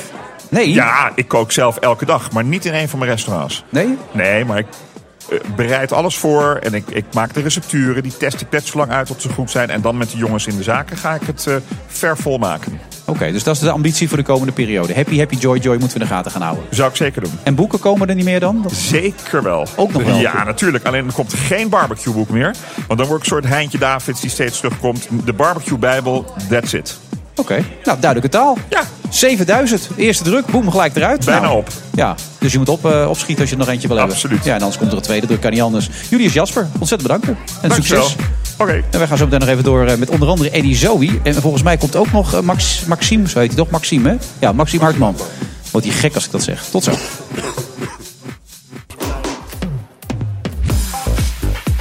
Vrijdag eh, 29 april. Hij kwam net aanrennen. Alsof hij eh, inderdaad eh, nog maar net op tijd was. Maar waar kwam je vandaan, Eddie Zoe? Ik eh, kom net van eh, RTL Z, dus het was rennen. Mijn conditie is eh, crap, kan ik je vertellen. Ja, Het is van overkant, zeg maar. Ja. Nou, het gaat zo snel. Maar hoe oud ben je nu dan? Ehm, ik, word, ik word 50 volgend jaar, eh, Wilfred. Dus eh, voor mij steken we elkaar naar de kroon. Ja, dat klopt inderdaad. Ja, ik ook 50 volgend jaar. maar zie je. vind, vind je het vervelend? Of? Nee, helemaal niet eigenlijk. Ik heb daar niet zo'n probleem mee. Nee, ik, eh, het is wel dat je conditie afneemt. Dat is jammer. Ja. Maarten, je- bij jou niet natuurlijk, hè? 35. 35, ja. Ja. Nee, dat gaat nog steeds wel, eh, wel aardig, eh, dacht Ja, ik. als je 42 hoe lang- Maar het is, het is wel, als je, je merkt al wel, als je dan, dan slechter slaapt... dan voel je de volgende dag wel wat beroerder of zo. Dat, eh, dat zijn een beetje de eerste tekenen van, eh, van eh, iets ouder, ouder worden. maar als je 50 wordt, dan, eh, Eddie, dan eh, wordt het helemaal lastig. Denk ik. Ja, dat weet jij nog helemaal niet. Maar jij ziet er nog in volle glorie uit. Dank je, dank je. Maar drink je dan ook wel eens wat? Of drink jij nooit? Eh, af en toe wel eens wat, ja hoor. Maar niet Ja. veel? Niet heel veel, Nee? nee. Je wordt nooit dronken of zo? Eh, de laatste keer is heel lang geleden, ja. 2008? Mm, nee, nee, een jaartje of zo, denk ik. Zoiets. Oh, Ja. ja. ik dacht misschien die keer met die Olympische medaille. Maar dat is er toch wel een paar keer gebeurd. Eh, Eddie, eh, tv is een beetje jouw ding voorbij. Hè? Je gaat nu andere dingen doen, begrijp ik. Hè? Nou ja, weet je, televisie blijf ik altijd wel naast doen. Maar het is nooit het hoofdding geweest. Dat denken mensen dat altijd. Het is altijd wel een soort van eh ballen hoog houden van veel dingen. Maar nu, tap hem. Het is een, eh, een app voor eh, vloggen. En het is app een, voor vloggen? Het is een hele snelle app. En dat is heel makkelijk in gebruik. En eh, we zijn er 1 april officieel mee uitgegaan. Goede lange beta-fase aan vooraf gedaan door flink veel te testen. Van hoe werkt dat vloggen, wat kun je verbeteren aan de app. En ja, net, net gestart ermee. En een ja, goede, goede start gemaakt, kan niet anders stellen. Ja, hoeveel mensen hebben hem al gedaan? Nou, ik, ga, dat, ik, ik mag van de mensen waar ik nu mee samenwerk absoluut geen getallen gaan noemen. want Oh, dat- maar je nou, zegt dat het heel goed gaat. Dus dan kan je het toch Ja. juist noemen? Nee, daar moet je mee oppassen. Want als je het vergelijkt met Snapchat bijvoorbeeld, met 2,5 miljoen downloads, dan kan zo'n getal van één maand behoorlijk schril overkomen. Maar ik kan je vertellen, experts die kijken daarnaar en die zeggen: dit zijn cijfers, mag je trots op zijn. Dus dat is heel fijn om te weten. Dan ben ik wel nieuwsgierig. Je bent ook nog wiskundige natuurlijk. Jij wil helemaal dat soort cijfers weten. Absoluut. Ja. Is, het, is het een gratis app of moet je ervoor Dit is een betalen? gratis app. Ja, Oké. ja. ja, heb je app-ervaring? Ja, ja, zo- zo- zoals, eh, zoals iedereen wel, ja. Ja, ja. Ja. Maar het merkt gewoon, wat wij merken aan deze app is dat eh, er is een hele grote groep die wil graag vloggen. Zoals je vroeger zei dat je piloot wilde worden, was Ja. het ook voetballer. En een tijdje geleden kwam in één keer in die lijst van wat wil je worden, YouTuber. Nou, een vorm van YouTube is vloggen. Hè? Dat je zelf eigenlijk je mening geeft over dingen en een filmpje over jezelf maakt. Heel veel jongeren hebben vloggers als idolen. Neem bijvoorbeeld Enzo Knol, 44 miljoen views per maand. Het is niet gek dat daar een substantieel deel tussen zit van mensen die daarnaar kijken. Die heel veel vlogs kijken. Die zeggen dat wil ik zelf ook wel. Alleen het punt is, dan moet je de hele dag filmen. Dan kom je thuis, moet je dat inladen in een computer, moet je monteren. En als je dan een quotum bijvoorbeeld zoals Enzo heeft van twee per dag wil halen, dan wordt dat een living. Nou, Ja. heel veel mensen willen dat wel, maar die willen er in ieder geval moeite voor doen. En we hebben eigenlijk een, een, een, app verzonnen waarbij het verschrikkelijk makkelijk is om dat te doen. Het, is, het kost niet zoveel moeite. Je schiet je scènes, de app zet het aan elkaar. Het is ook direct is het een, is het een dienst, is het een, is het een platform waar eh, al die vlogs samenkomen. Het is een community. En op je alle andere je bereik, eh, of je nou Instagram, Facebook, Twitter of wat dan ook doet, dat bereik blijft hetzelfde. En je kunt die filmpjes gewoon allemaal delen op alle andere vormen van social media. En is het, is, het dan vanuit, is het dan puur vanuit een soort van logica dat je denkt, goh, er zijn vlogsterren, dus er zijn ook mensen een bredere vraag naar? Of, Nou, of in, in de, in de zin helemaal heb je, vragen over? Of in de zin heb je daar wel gelijk in. Zie je het zo? Eh, Toen Eric Clapton gitaar ging spelen, wilden heel veel mensen gitaar spelen. Als je dan zegt, hier heb je een gratis gitaar en je kunt er ook direct Laila op spelen, dan denk ik dat het best wel aftrek neemt. En Ja. dat is eigenlijk wat wij met deze app doen. We zeggen, die app is gratis. Jij kunt vlogs maken en dat stelt niet eens zo heel veel voor. Ga het maar doen. Kijk, worden dat nou allemaal professionele vloggers? Dat denk ik niet. Maar dat hoeft ook niet. Dat is hetzelfde als een gitaarwinkel. Heel weinig mensen die er een gitaar kopen, gaan uiteindelijk geld verdienen met muziek maken. Maar waar zit het verdienmodel precies dan? Nou, dat is een hele goede vraag. Er zijn heel veel manieren om hier geld aan te verdienen. Alleen wordt meestal afgeraden bij die apps. Als je kijkt naar Twitter, het eerste bedrijf wat beursgenoteerd was zonder winst te maken. Moet je enorm oppassen dat je juist de glazen niet ingooit met direct het toepassen van die verdienmodules. Dus op dit moment kan ik gerust zeggen, moet je er niet van uitgaan dat de eerste paar jaar daar geld mee verdiend wordt. Maar op den duur wel, want je doet het niet zomaar. Ja hoor, op den duur wel. Maar is Ja. het dan voor jou dat je, dat je op den duur met, met reclame je geld, of hoop je dat Zou een grotere partij het koopt en dat je daar, daardoor in één keer... eh, Nou, die laatste zou natuurlijk altijd heel prettig zijn. Eh, dan praat je altijd over, zoals dat dan heet, een derde private equity ronde. Zou mooi zijn. Reclame kan. Er zijn meerdere opties. Iets heet white labeled, waarbij je de diensten en de manier aanbiedt. Maar dat mensen eigenlijk dat bijvoorbeeld op de Washington Post gebruiken, de journalisten. Maar dat men zelf niet doorheeft dat Tapham daarachter zit. Er zijn meerdere manieren. Wij worden daar op dit moment behoorlijk eh, eh, ja, over onderricht. Maar daar is het voor mij nooit uit ontstaan. Het is bij mij echt uit, eh, ja, uit liefde en het zeg maar een soort van interesse Ja. ontstaan. Ook een deels uit behoefte. Ik denk van, goh, wat leuk, wat is er allemaal aan de hand? Kan ik daar iets aan bijdragen? Maar liefde, liefde waarvoor dan precies? Nou, het maken. Ik vind het heel erg leuk. Ik vind het heel erg leuk wat, eh, wat online aan, de- aan de hand is. Weet je, ik ben natuurlijk zelf een oud televisiemaker. Die school kom jij ook.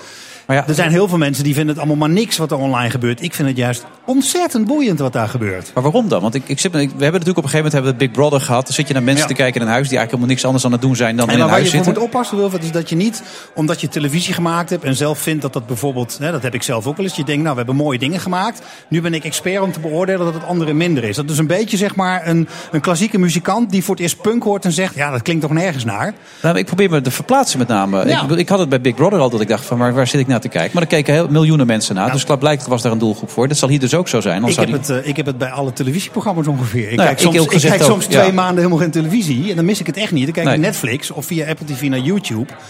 En ik vind dat wel een verademing. Gewoon de echtheid, de eerlijkheid. Is het inhoudelijk allemaal hoogstaand? Misschien niet. Is dat nodig? Nou, klaarblijkelijk ook niet. Want er is een hele grote groep die vindt het heel erg leuk om naar vlogs te kijken. En dat is eigenlijk niet meer dan een videologboek. Een dagelijks leven van bijvoorbeeld iemand die 14 is en die naar school gaat. Ja. En die een potje, te- potje voetbal trapt. En die daar gewoon leuke verslagjes van maakt. En ik denk dat vloggen eigenlijk ook niet heel veel meer is dan dat. Maar laten we wel oppassen om dat niet te veroordelen als zijnde dat het minder is dan vermaak van televisie. als- Want daar geloof als- ik niet zo in. Als dat de basis is, Ja. dan, dan zou toch ook, voor mij heb je nu ook die videomogelijkheid via, via Facebook. Ja, je hebt er meerdere. Je hebt je Ja. TomTom, die komt met de camera. Kun je schudden, heb je het. Je hebt Magisto, maar daar ben je niet, heb je niet de controle over je eigen inhoud. Ja. Dat heb je niet direct. Dus, het, het- je hebt geen backcatalog. Hè. Bij ons is het, als jij denkt van, oh dat filmpje van toen vond ik zo leuk, van twee jaar terug, kun je gewoon kijken. Kan bijvoorbeeld op Snapchat ook niet. Dus er zijn best nog wel Dus je hebt flink de veel... mogelijkheid tot knippen en plakken, wat die anderen Dat heb je. hebben dat niet. Daar gaat zelfs meer bij komen, want nu is het eigenlijk heel basic. Je schiet je scènes en de app maakt het aan elkaar. Dus je moet een beetje in montage denken. Er komen allerlei updates aan het komende jaar. Waarbij we ook een aantal montage tools gaan toevoegen. Waarbij je zegt, nou ik wil toch scène 2 en scène 7 weggooien. Ja. Ik wil toch scène 9 en 13 wisselen. Ik wil nog even een nieuw presentatietekstje opnemen. En ik wil eigenlijk scène 10 even met duim en wijsvinger inkorten. En zet je, zet je in op de Nederlandse markt of wil je het liefst wereldwijd? Liefst wereldwijd. Maar kijk, wat lekker is, wat we nu merken. De tractie die we gemaakt hebben is best wel te danken aan een aantal YouTubers. Die vinden die app, die maken er iets Ja. mee. En die doen ergens in één keer op social media een shout-out. Bijvoorbeeld, die zeggen, joh, moet je eens kijken. Een shout-out, Ja. ik hoor ze allemaal voorbij komen. Ja, maar dat is toch leuk? Je zit er middenin, hè? Ja, ik zit er middenin. Ik merk aan mezelf dat ik toch een beetje aan het achterlopen. Nou, die doen een shout-out. Dan zeggen ze eigenlijk gewoon op YouTube of bijvoorbeeld op Instagram van... eh, eh, check die app, die is leuk. Nou, Ja. wat krijg je als jij een beroemde YouTuber bent? Dan heb je zomaar 100.000, 200.000 volgers. Als daar een potentieel deel van zegt, nou, ik ga eens kijken. En daar weer een deel van zegt, ik ga die app gewoon gebruiken. Ja. dan weet je zelf wel wat de mogelijkheden zijn als je dit gaat vertalen naar bijvoorbeeld Duitsland. En nou, we zijn wel in gesprek inderdaad met partijen die eh, YouTubers vertegenwoordigen in wat grotere landen. Ja. En als we dat rond kunnen krijgen, ja, dan verwacht Maar ik dat zal we- toch ook wel wat kosten, dit allemaal? Je moet dus Ja. een bepaald investeringskapitaal ja, hebben. maar dat hebben we ook. We hebben een Ja. aantal mensen erachter zitten die, eh, die hebben eigenlijk deze app kunnen realiseren vanwege eh, financiën op tafel leggen. Ja. Ik had het idee en vervolgens ga je met iemand eh, praten waarvan je zegt, is het mogelijk? Kan die techniek? En dan moet je gaan kijken of er mensen zijn die het verhaal geloven. Dus dat is best een, een traject. Was voor mij nieuw, maar eh, wel boeiend. En op welke termijn hoop je dan dat er wel geld gaat verdiend worden? eh, verdiend gaat Ehm, worden?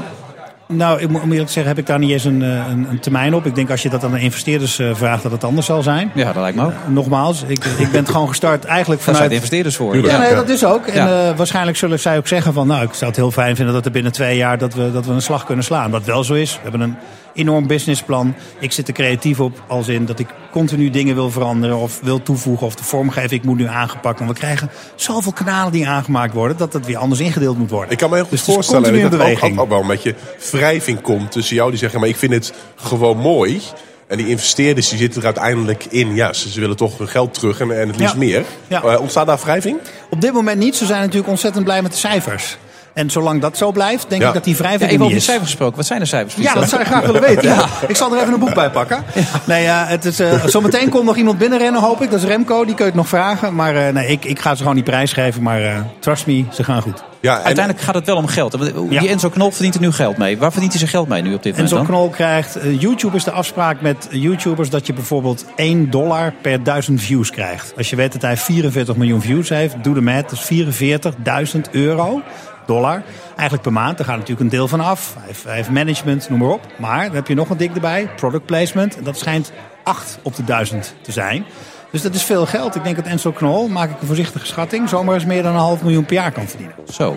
En is het dan nog authentiek op een gegeven moment? Als het... Ik denk dat daar snij je iets heel erg boeiends aan. Want de YouTubers zijn groot geworden vanwege authenticiteit. En je ziet nu dat er heel veel nieuwe mensen die YouTubers gaan nadoen. Dus dat kan zijn, dat kan zijn, zijn ding gaan verliezen. Want dan moet het op een gegeven moment extremer worden om het, om het mensen te laten trekken, toch? Op dit moment werkt het vooral bij het vloggen. Wees eerlijk, wees jezelf. En dat is eh, eigenlijk alleen maar hartstikke mooi. Want we weten allemaal dat er over het jasje van Martijn Krabbe en het kapsel van Chantal Jansen enorm nagedacht is. En, vlog je zelf ook?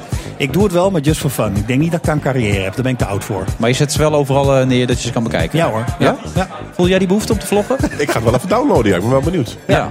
Maar ga je ook vloggen? Vind je het leuk? Eh, nou, zou, zou wel kunnen. Dus er zijn natuurlijk een heleboel media, zowel met zwemmers als met, met, met patiënten, mensen die voor gezondheidszorg geïnteresseerd zijn. Ja. Daar, in, daarmee in contact blijven. En vlog is daar een hele goede manier mee, denk ik. Nou, je hoeft het ook niet dagelijks te doen. Hè? Kijk, wij hoeven niet op te boksen tegen de mensen die vloggen willen worden. of dat soort van tot een nieuwe hobby hebben gebombardeerd. Als jij denkt, joh, ik doe het voor de lol. Het gaat me niet om heel veel views bijvoorbeeld. Dan doe je het af en toe. Weet je wat leuk voor is? Zitten nu mensen op, zitten in het buitenland, in Costa Rica. En die ouders zijn heel blij omdat ze gewoon kunnen zien wat hun dochter allemaal doet. Dat, Ja. vind, ik, dat vind ik fantastisch. Maar leuk ze dat niet dat alles is. willen zien, neem ik aan. Maar Nee, dat- ik denk ook niet dat ze Nee. alles filmt. Nee, dat denk ik dat eigenlijk ook niet, inderdaad. Maar Tappum, zo heet het allemaal. Je kan hem gewoon downloaden. Ja, T-A-P-P-U-M. Oké, Eddie bedankt. Op naar de volgende. Ja, Weer een nieuw interview neem ik aan? Of, eh? Ja joh, ik kom gewoon weer voor een boek straks of zo. Oh, komt helemaal goed. Helemaal goed. Tot zover. Zo meteen nog Maxim Hartman. Die heeft ook een boek. Ja, dat weten we inmiddels al geschreven. En dat gaat over hele zinnige zaken. Tot zo. Dag. BNR Nieuwsradio. Zet je aan. The Friday Move. Ik ga daar niet in mee dat we nu een verkeerde weersverwachting hebben uitgegeven. Wij volgen dit op de voet. Je moet je realiseren dat het een nieuw instrument is. Een van die punten is eh, dat er een toetsingscommissie komt. We gaan beginnen. Wilfred Gené. Maxim Hartman weet graag wat voor vlees hij in de kuip heeft. En daar schreef hij een boek over.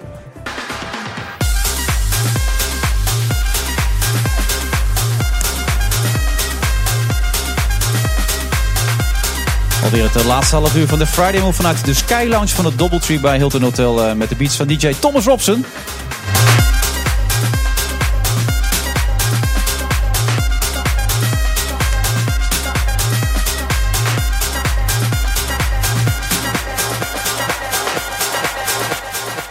En Maxim Hartman vindt eigenlijk dat eh, de balans moet worden hersteld. Vrouwen zijn te machtig geworden. En iedereen die te machtig wordt, moet onderuit worden gehaald. En daar gaat hij zo meteen alles over vertellen. Maar om te laten zien hoe machtig hij is, is hij nu ook al te laat. Dat is altijd opmerkelijk. Eh, wat vind jij eigenlijk van zo'n stelling eigenlijk? Want van de week poneerde hij deze stelling onder andere bij de Wereldrijd door Maarten. Wat vind je van zo'n stelling?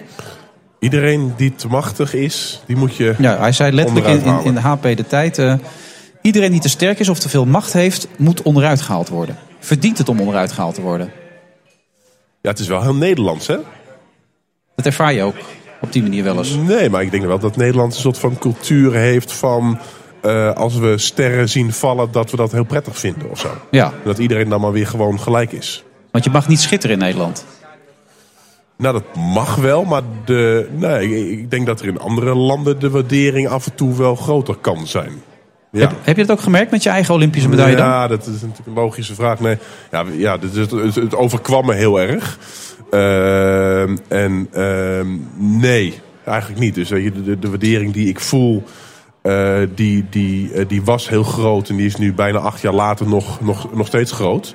Maar ook door de Eh, extra dimensie van de ziekte natuurlijk, die het nog heroïscher maakt allemaal. Ja, dat denk ik wel. Ik denk, ik, ik- ik denk dat er een heleboel Olympisch kampioenen zijn ja, die dat eh, een paar weken eh, de, de, de eer krijgen. En dat het daarna klaar is of zo. Terwijl ze ook vanaf jongs af aan, vanaf zeven jaar, gewoon keihard eh, getraind hebben. Maar het is wel heel Nederlands, want toevallig was het laatst bij een voorstelling van Freek de Jonge. Die zei, eh, Fanny Bankerskoen, die fantastisch presteerde toen bij die Olympische Spelen, al die Ja. medailles won. Die werd in eh, Engeland gelauwerd, geridderd, kreeg allemaal onderscheidingen. In Nederland kreeg ze een fiets.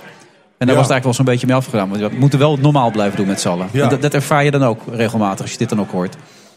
Nou, dus, dus als jij dat zegt, dan, dan, dan zie ik wel dat het logisch is, ja. Ja.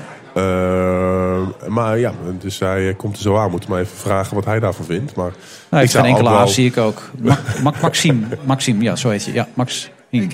Welkom. Dat, dat is de microfoon, Maxime. Dus als je wilt, wat wil zeggen, moet je... Hallo. Dag, Maxime. Je bent gelijk in je rol alweer, hè?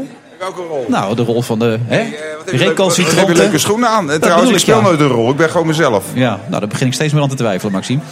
En waarschijnlijk met mij een heleboel mensen. Ja, ik ben daar. Ja. Nou, zeg het maar. Ja, waar zullen we het eens over hebben? Maarten. Geen idee. Nee, ik kijk We- ook niet. We hoorden net dat eh, Faya in haar boek, haar boek eh, 70.000 stuks in een week had eh, verkocht. Van wat? Van dat, eh, die sixpack? Ja, Ja, die body, Ja, killer body. 70.000 Ja. stuks. Maar ze is wel in de steek gelaten door de vriend van eh, 21. Is dat zo? Dan zit je met je geld en dan heb je geen vriend. Ja, maar er zijn er genoeg andere vrienden, toch? Ja, dan moet je maar afwachten. Ze wordt ook een dagje ouder. Hoe gaat het met jouw boek dan, eh, Maxime? Hey, ik heb nog geen cijfers. Je hebt geen cijfers. Ik heb nog geen Ja, cijfers. lijkt je, Weer Eddie Zoe geen wel. cijfers. Eddie Zoe had ook al geen cijfers. Jij hebt ook al geen cijfers. Hopeloos allemaal. Ik denk dat het in de, rond de 5 à 10.000 exemplaren zit nu. Dat is normaal in een week. Ja, dat is niet slecht inderdaad. Zo net zat Fidan Wat, Eke... eh, sta je wel in die boeken top 60 dan? Natuurlijk. Ja? Ja, ja. Maar sta je hoog? Ja, wat denk je? Twee sta je. Ik, ik geloof dat ik nu Drie? op 4 sta, maar ik ben met stip binnengekomen. Echt waar? Ja. Ja, Vanuit maar het ach- niks op nummer 4. Dat is Ja, knap hoor. en zij kwam vanuit niks op één. Op één, eh, ja. Dat was, Killer body. Meen je niet? Ja, serieus waar. Dat leren wij ook Ja, altijd. maar het verschil is ook wel heel groot. Hè? Dus zij 70.000 en jij 5.000. 70.000? Ik geloof er geen reet Nee, van. echt heel veel. Dat kan echt, Echt niet. bizar Wie goed. kopen die boeken dan? Nou, dat weet ik eigenlijk gewoon, wel. ja. Nee, weet je wie alle boeken kopen? Vrouwen. Moet je Ja. maar eens in een boekhandel gaan kijken. Ja, Lopen dat zei je van de week bij, bij, bij, bij, bij Matthijs ook. Oh, Dat mag ben- ik niks meer zeggen wat ik daar heb gezegd? Jij zegt ook Natuurlijk eh, 20.000 keer hetzelfde bij Ja, Voetbal International. dat klopt inderdaad, maar je hebt van de week al uitgelegd. 80 keer gehoord. Ja, ik ook, En dan moet ik zeker verbaasd zijn als ik niet een keer Nee, maar je hebt van de week al uitgelegd dat met name collega vrouwen kijken. mij een beetje af te zeiken Nee, je bent eruit geflikkerd, Bertie Dat weten we Helemaal allemaal. niet. Ja, wel man, je bent er gewoon Jij uitgemikt, belde man. me nog of ik alsjeblieft terug wilde komen. Ik zei, nee, red het Was nou ik dat? zelf maar. Nee, maar zonder gekheid. Jij, jij geeft aan vrouwen... Kijk, eh, vrouwen lezen vooral boeken dus. Daar komt het op neer. Nou, eh, ze lezen ze denk ik niet, maar ze kopen ze in ieder geval. Maar wordt dit boek dan door alleen mannen gekocht, denk jij? Nou, ik heb speciaal die cover zo in deze vriendelijke, eh, liefdevolle kleuren gedaan. Zodat vrouwen dit voor hun man kunnen kopen. Want het zijn toch altijd vrouwen die bepalen wat er gekocht wordt binnen een huishouden. Denk je niet dat heel veel mannen dit stiekem kopen, dit boek? Ja, ik wil het uit de achterbak gaan verkopen. Dat is veel leuker. Want die stomme boekhandels, die pakken ook heel veel geld op zijn boek. Precies, als je van de achterbakjes markt is ook veel hoger. Ja, en het is ook gewoon veel stoerder. Stel dat ik jou tegenkom, ik zeg, hey, heb jij zin in een boekie? en dan maak ik mijn achter, achterbak open, ligt hij helemaal vol met de, de Nationale Vrouwenspotgids. Nou, dan trek je zo je flappies. Maar ze verdienen het ook, hè, zei een HP de tijd. De macht, vrouwen zijn te machtig geworden. Het het evenwicht moet even hersteld worden gewoon. Ja, dat is wel serieus, ja. Ach man, hou het toch op met je gezeik, met je serieus. B- Wanneer ben je eigenlijk wel serieus? Dat ben je nooit, man. Er is altijd een dubbele laag bij jou erin. Je wilt er altijd wat mee bereiken. Nou, een dubbele laag is niet erg. Maar, Nee. maar de, de- kijk, als ik eh, iets grappigs zeg, dan kan daaronder ook een kern van waarheid liggen. Humor, eh, goede humor, als mensen humor niet Humor om serieus te lachen nemen. bedoel je, die? Nee, humor moet je serieus nemen. Ja, denk daar maar eens over na. dit is echt een tegeltje volgens mij. Ja. Maar je vindt wel dat ze het verdienen, hè? Die vrouwen die moeten eens een beetje op hun plaats gezet worden. Dat vind ik wel. De vrouwen in Nederland zijn zo eh, ongelooflijk sterk. Eh, dat ik vind dat ze, je mag ze wel een beetje belachelijk maken. Wie, wie is van Nederland de allersterkste vrouw? Jij er een soort van ontzag van hebt, bijna angst. Bekende bedoel je, die we allemaal kennen? Ja, ja, ja, kan. De allersterkste vrouw. Oh, Beatrix is ook best sterk. Is die sterk? Is wel een sterk wijf. Eh, vrouw, sorry. Ja, Eh, maar het, het boek heb je meegeschreven voor haar dus eigenlijk. Ik heb heel wat Beatrix in gedachten gehad toen ik het aan het schrijven was. Nee, dat maar, ben je niet een beetje bang, Ma- Max, Maxime? Maxime, Maxime. Maxime, dat, Ja. je, dat je uiteindelijk een karikatuur daardoor wordt? Van jezelf? In Met alles wat je doet? ik alles... eh, Nee, want je had het over vee. En ik, ik geef eerlijk van mezelf toe. Wij zijn karikaturen van onszelf geworden. Want je zegt de herhaling, die grappen, steeds Klopt. platter, steeds verder. Je gaat zo ver over de top dat op een gegeven moment denk ik... Oh, ze doen een kunstje weer, Mhm. maar we nemen het niet meer serieus. En, en Maxime huren we in, want die beledigt iedereen wel. En die maakt een paar platte grappen. En dat vinden we allemaal Dat prachtig. klopt, maar dat is de schuld van de media, is niet van mij natuurlijk. Nee, jij, Kijk, tv, tv en radio, dat weet je als geen ander, maakt een monster van je. Ja. Dus je moet daar heel zuinig op zijn. Wat, je, wat ik je ook kan aanraden. Maar ga je nou in een slachtofferrol zitten terwijl je jezelf Hey, zo doe eens gedraagt? rustig, doe eens rustig Nee, maar je gaat in de slag. grond. Je lijkt wel een vrouw, man. Wat is dit? Hé, hey, hou eens op. Ik, ik, ik ben even een theorie aan het uitleggen. Dat je af en toe als man even uit de media moet gaan. Maar daar luister je niet naar. Jij bent zo verslaafd aan aandacht. Ik doe af en toe aandacht. En dan ben ik weer een paar maanden vertrokken. En dan kom ik weer tot mezelf. Dan zakt mijn egootje weer. Maar jij bent constant in die spotlight. Nee, jij Dus jij gaat mij niet de les lezen. Jij gaat onmiddellijk helemaal boven op die apenrot staan. Je gaat verschrikkelijk hard op je borst slaan. Je Wanneer? gaat heel hard schreeuwen. Nu? Je gooit iedereen van... Ja, nu ook weer, maar dat doe je bij alles ja, waar je maar dat is terecht. Want jij loopt me uit te dagen.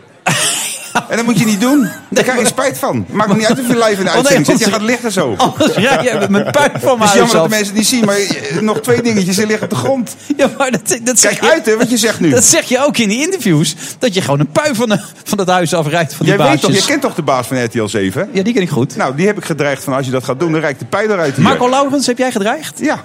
En? Was meteen om? Toen zei hij van, dan doen we het op jouw manier. Kijk, en jij bent twee jaar aan het onderhandelen over je kutcontract. Maar als je gewoon zoiets zegt, dan heb je het gewoon in één dag rond. Heb jij mijn contract wel En eens dan ga je mij zeggen dat ik geen echte man ben. Nee, ik zeg Jij bent dat wel je de een echte- laatste die mij daarop Ik zeg kan wel dat je wijzen. een echte man bent, maar het wordt een karikatuur op een gegeven moment. Je gaat jezelf zo uitvergroten dat het niet meer mogelijk is om het serieus te nemen wat je Nee, zegt. maar dan moet je dood. ja, als je over je top bent, dan moet je gewoon zorgen dat je ergens eh, overlijdt. Nu? Nee, ik ben nog lang niet op mijn hoogtepunt. Echt niet? Ik ben dan niet een karikatuur. Nou. Wat vind jij, Maarten? Maar hoe zie je jezelf over een jaartje of vijf dan? Wat doe je dan? Eh, met, ik heb een hele korte, termijn, hele korte termijn planning. Maar ik Hoezo voel me- dan? Ik vind mannen, die moeten wel rationeel in een lange termijn plan hebben, toch? Nou, maar ik zeg, ik zeg ook niet dat ik de grootste man ben van Nederland. Ik ben heel vrouwelijk. En ik compenseer dat door allemaal dit soort bullshit te doen. Begrijp je? Ja, ze zitten te kijken als twee, eh, twee. Nee, ik vind het leuk, maar je bent toch wel een karikatuur. Net zoals ik dat ook ben trouwens, eh, Maxime. Ja, voor de het is wel duidelijkheid. belangrijk dat je dat bij zegt. Ja. We gaan het anders nog een keer. Anders gaan we er even door, zometeen na de reclame. Dan gaan we nog even dit afmaken. Gezellig.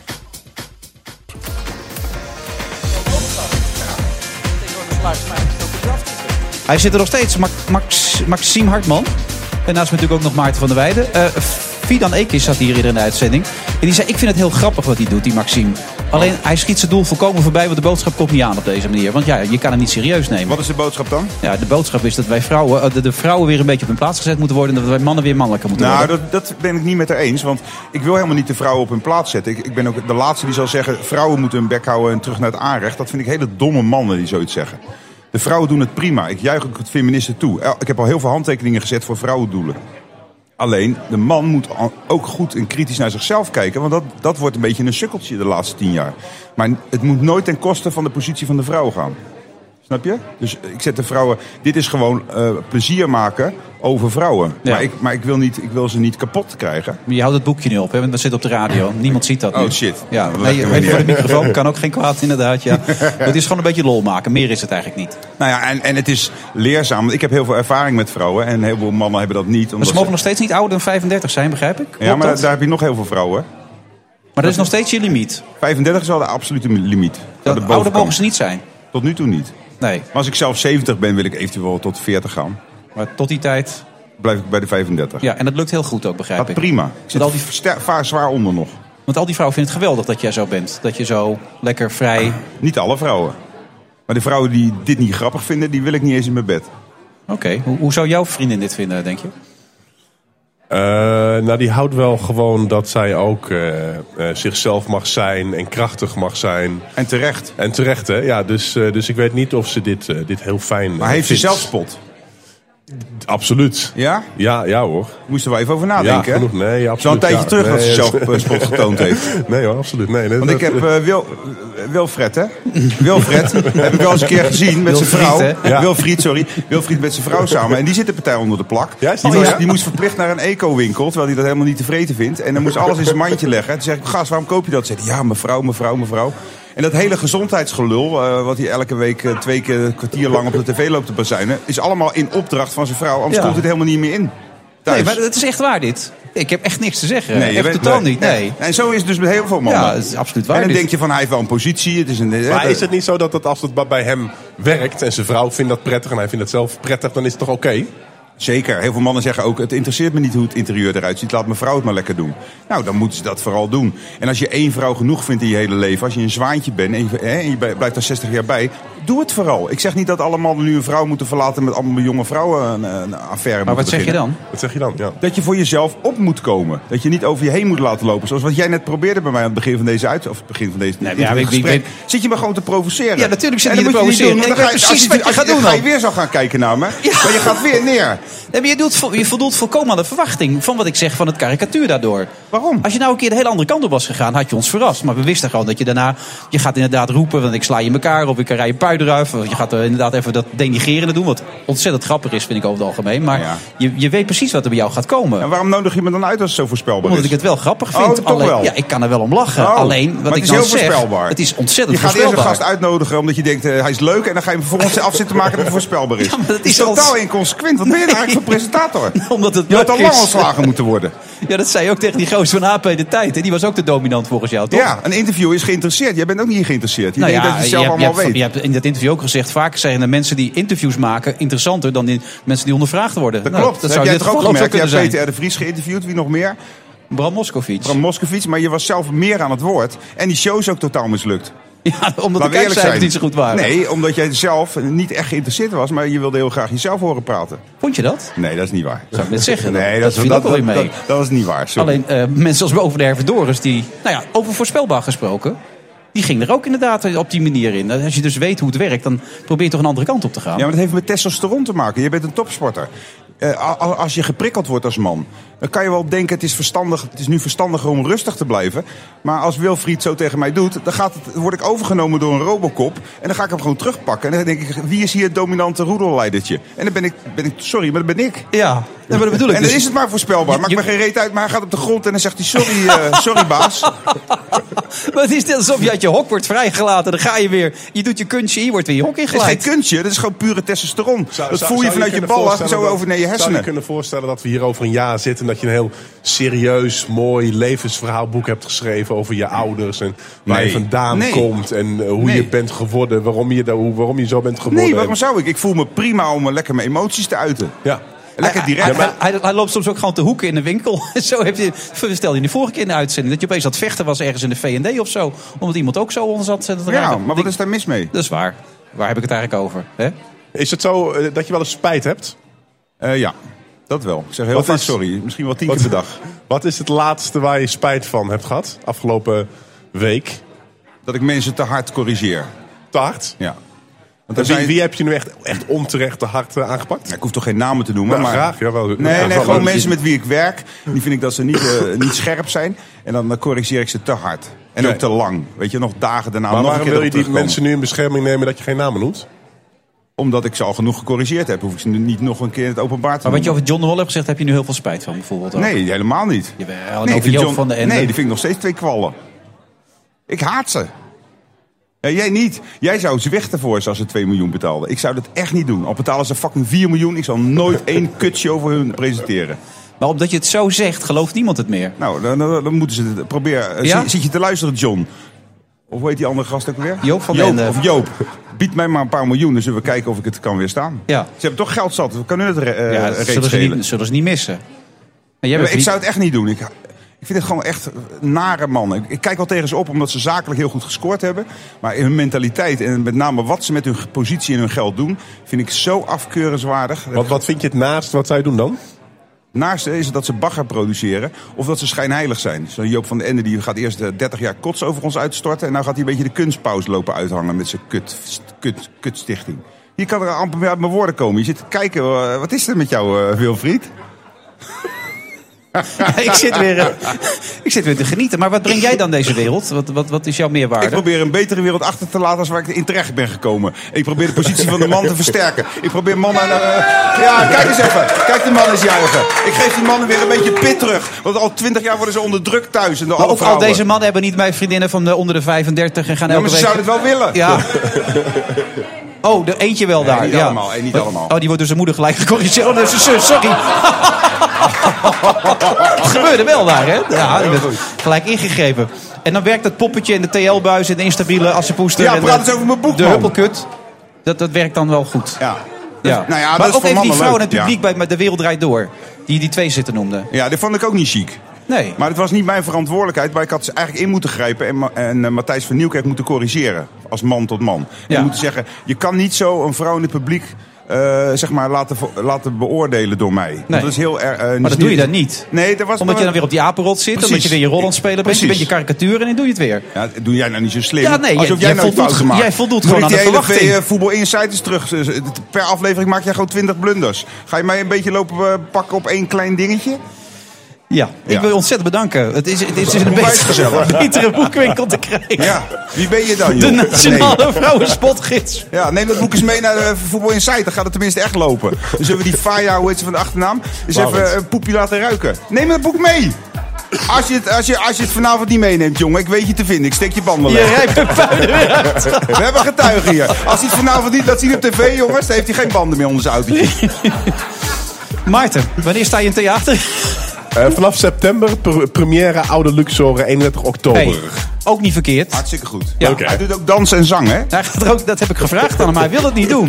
Maar ik denk echt dat je het moet gaan doen. Ja, is te gek. Beetje Ja. erbij? Nee, Nee? Danseresjes? Nee. Ook niet? nee, Oh, oké. nee, sorry. Maar wel goed dat je er was. Ja, heel Ja. graag gedaan. Maar hij is er nog steeds, hoor. Ja, nee, maar hij was te laat eerst. Net zoals jij trouwens. Ja. Die Zoe kwam ook hem op het laatste moment binnen. Ja, mensen zeggen, stellen toch niet echt prioriteit om hier aanwezig te zijn, denk ik. Mag ik je weer hartelijk bedanken, eh, Mac- M- Maxime. Ja, dat was gezellig. Maarten, ook bedankt. Heel graag gedaan, En volgende week zijn we er weer met een nieuwe aflevering. En ik wil Mireille nog heel veel sterkte wensen straks met de laatste week. En dan wordt ze opnieuw moeder voor de vierde keer. Ja, ongelooflijk. Vierde keer alweer? Voor de vierde keer. En volgende week dus een andere eindredactrice. Tot dan. We gaan beginnen. Ik ga daar niet in mee dat we nu een verkeerde weersverwachting hebben uitgegeven. Het is een van de weinige bedrijven die echt veel geld verdienen met luchtverkopen. Die zouden er verstandig aan doen om, eh, om een aanhuurmakelaar daarvoor in dienst te nemen. Een van die punten is eh, dat er een toetsingscommissie komt. Dat kunnen wij absoluut eh, niet zeggen. Nou, die balans zit in deze wet. De laatste tijd eh, lijkt het alsof hij iets meer openheid geeft. Dus dat de breinziekte slaving valt onder het strafbare feit, het opzettelijk benadelen van de gezondheid. Dus ik zou zeggen, riemen vast. Dit wordt nog een hele spannende strijd. En dus is het in dat geval echt de taak om eh, voor een meteoroloog aan te geven van naast de buien zijn er ook momenten dat het droog is, dat de zon doorbreekt. Maar de regen en de wind en de hagel, die, die vallen aanzienlijk mee. And then there's ISIS. I have a simple message for them.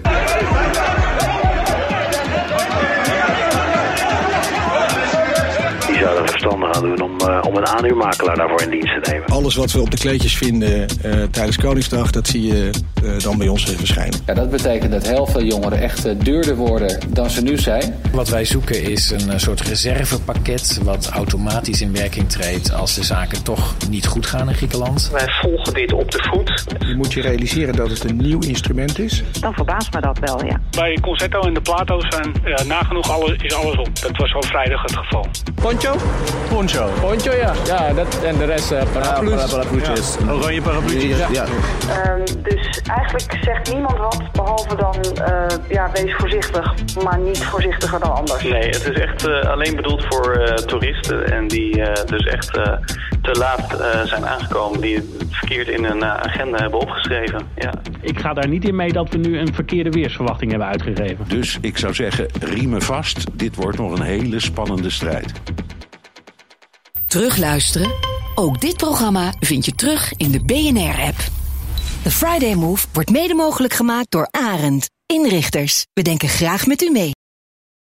Ook Harm Edens vind je in de BNR-app. Je kunt BNR Duurzaam niet alleen live luisteren in de app, maar ook terugluisteren als podcast, zoals al onze podcasts.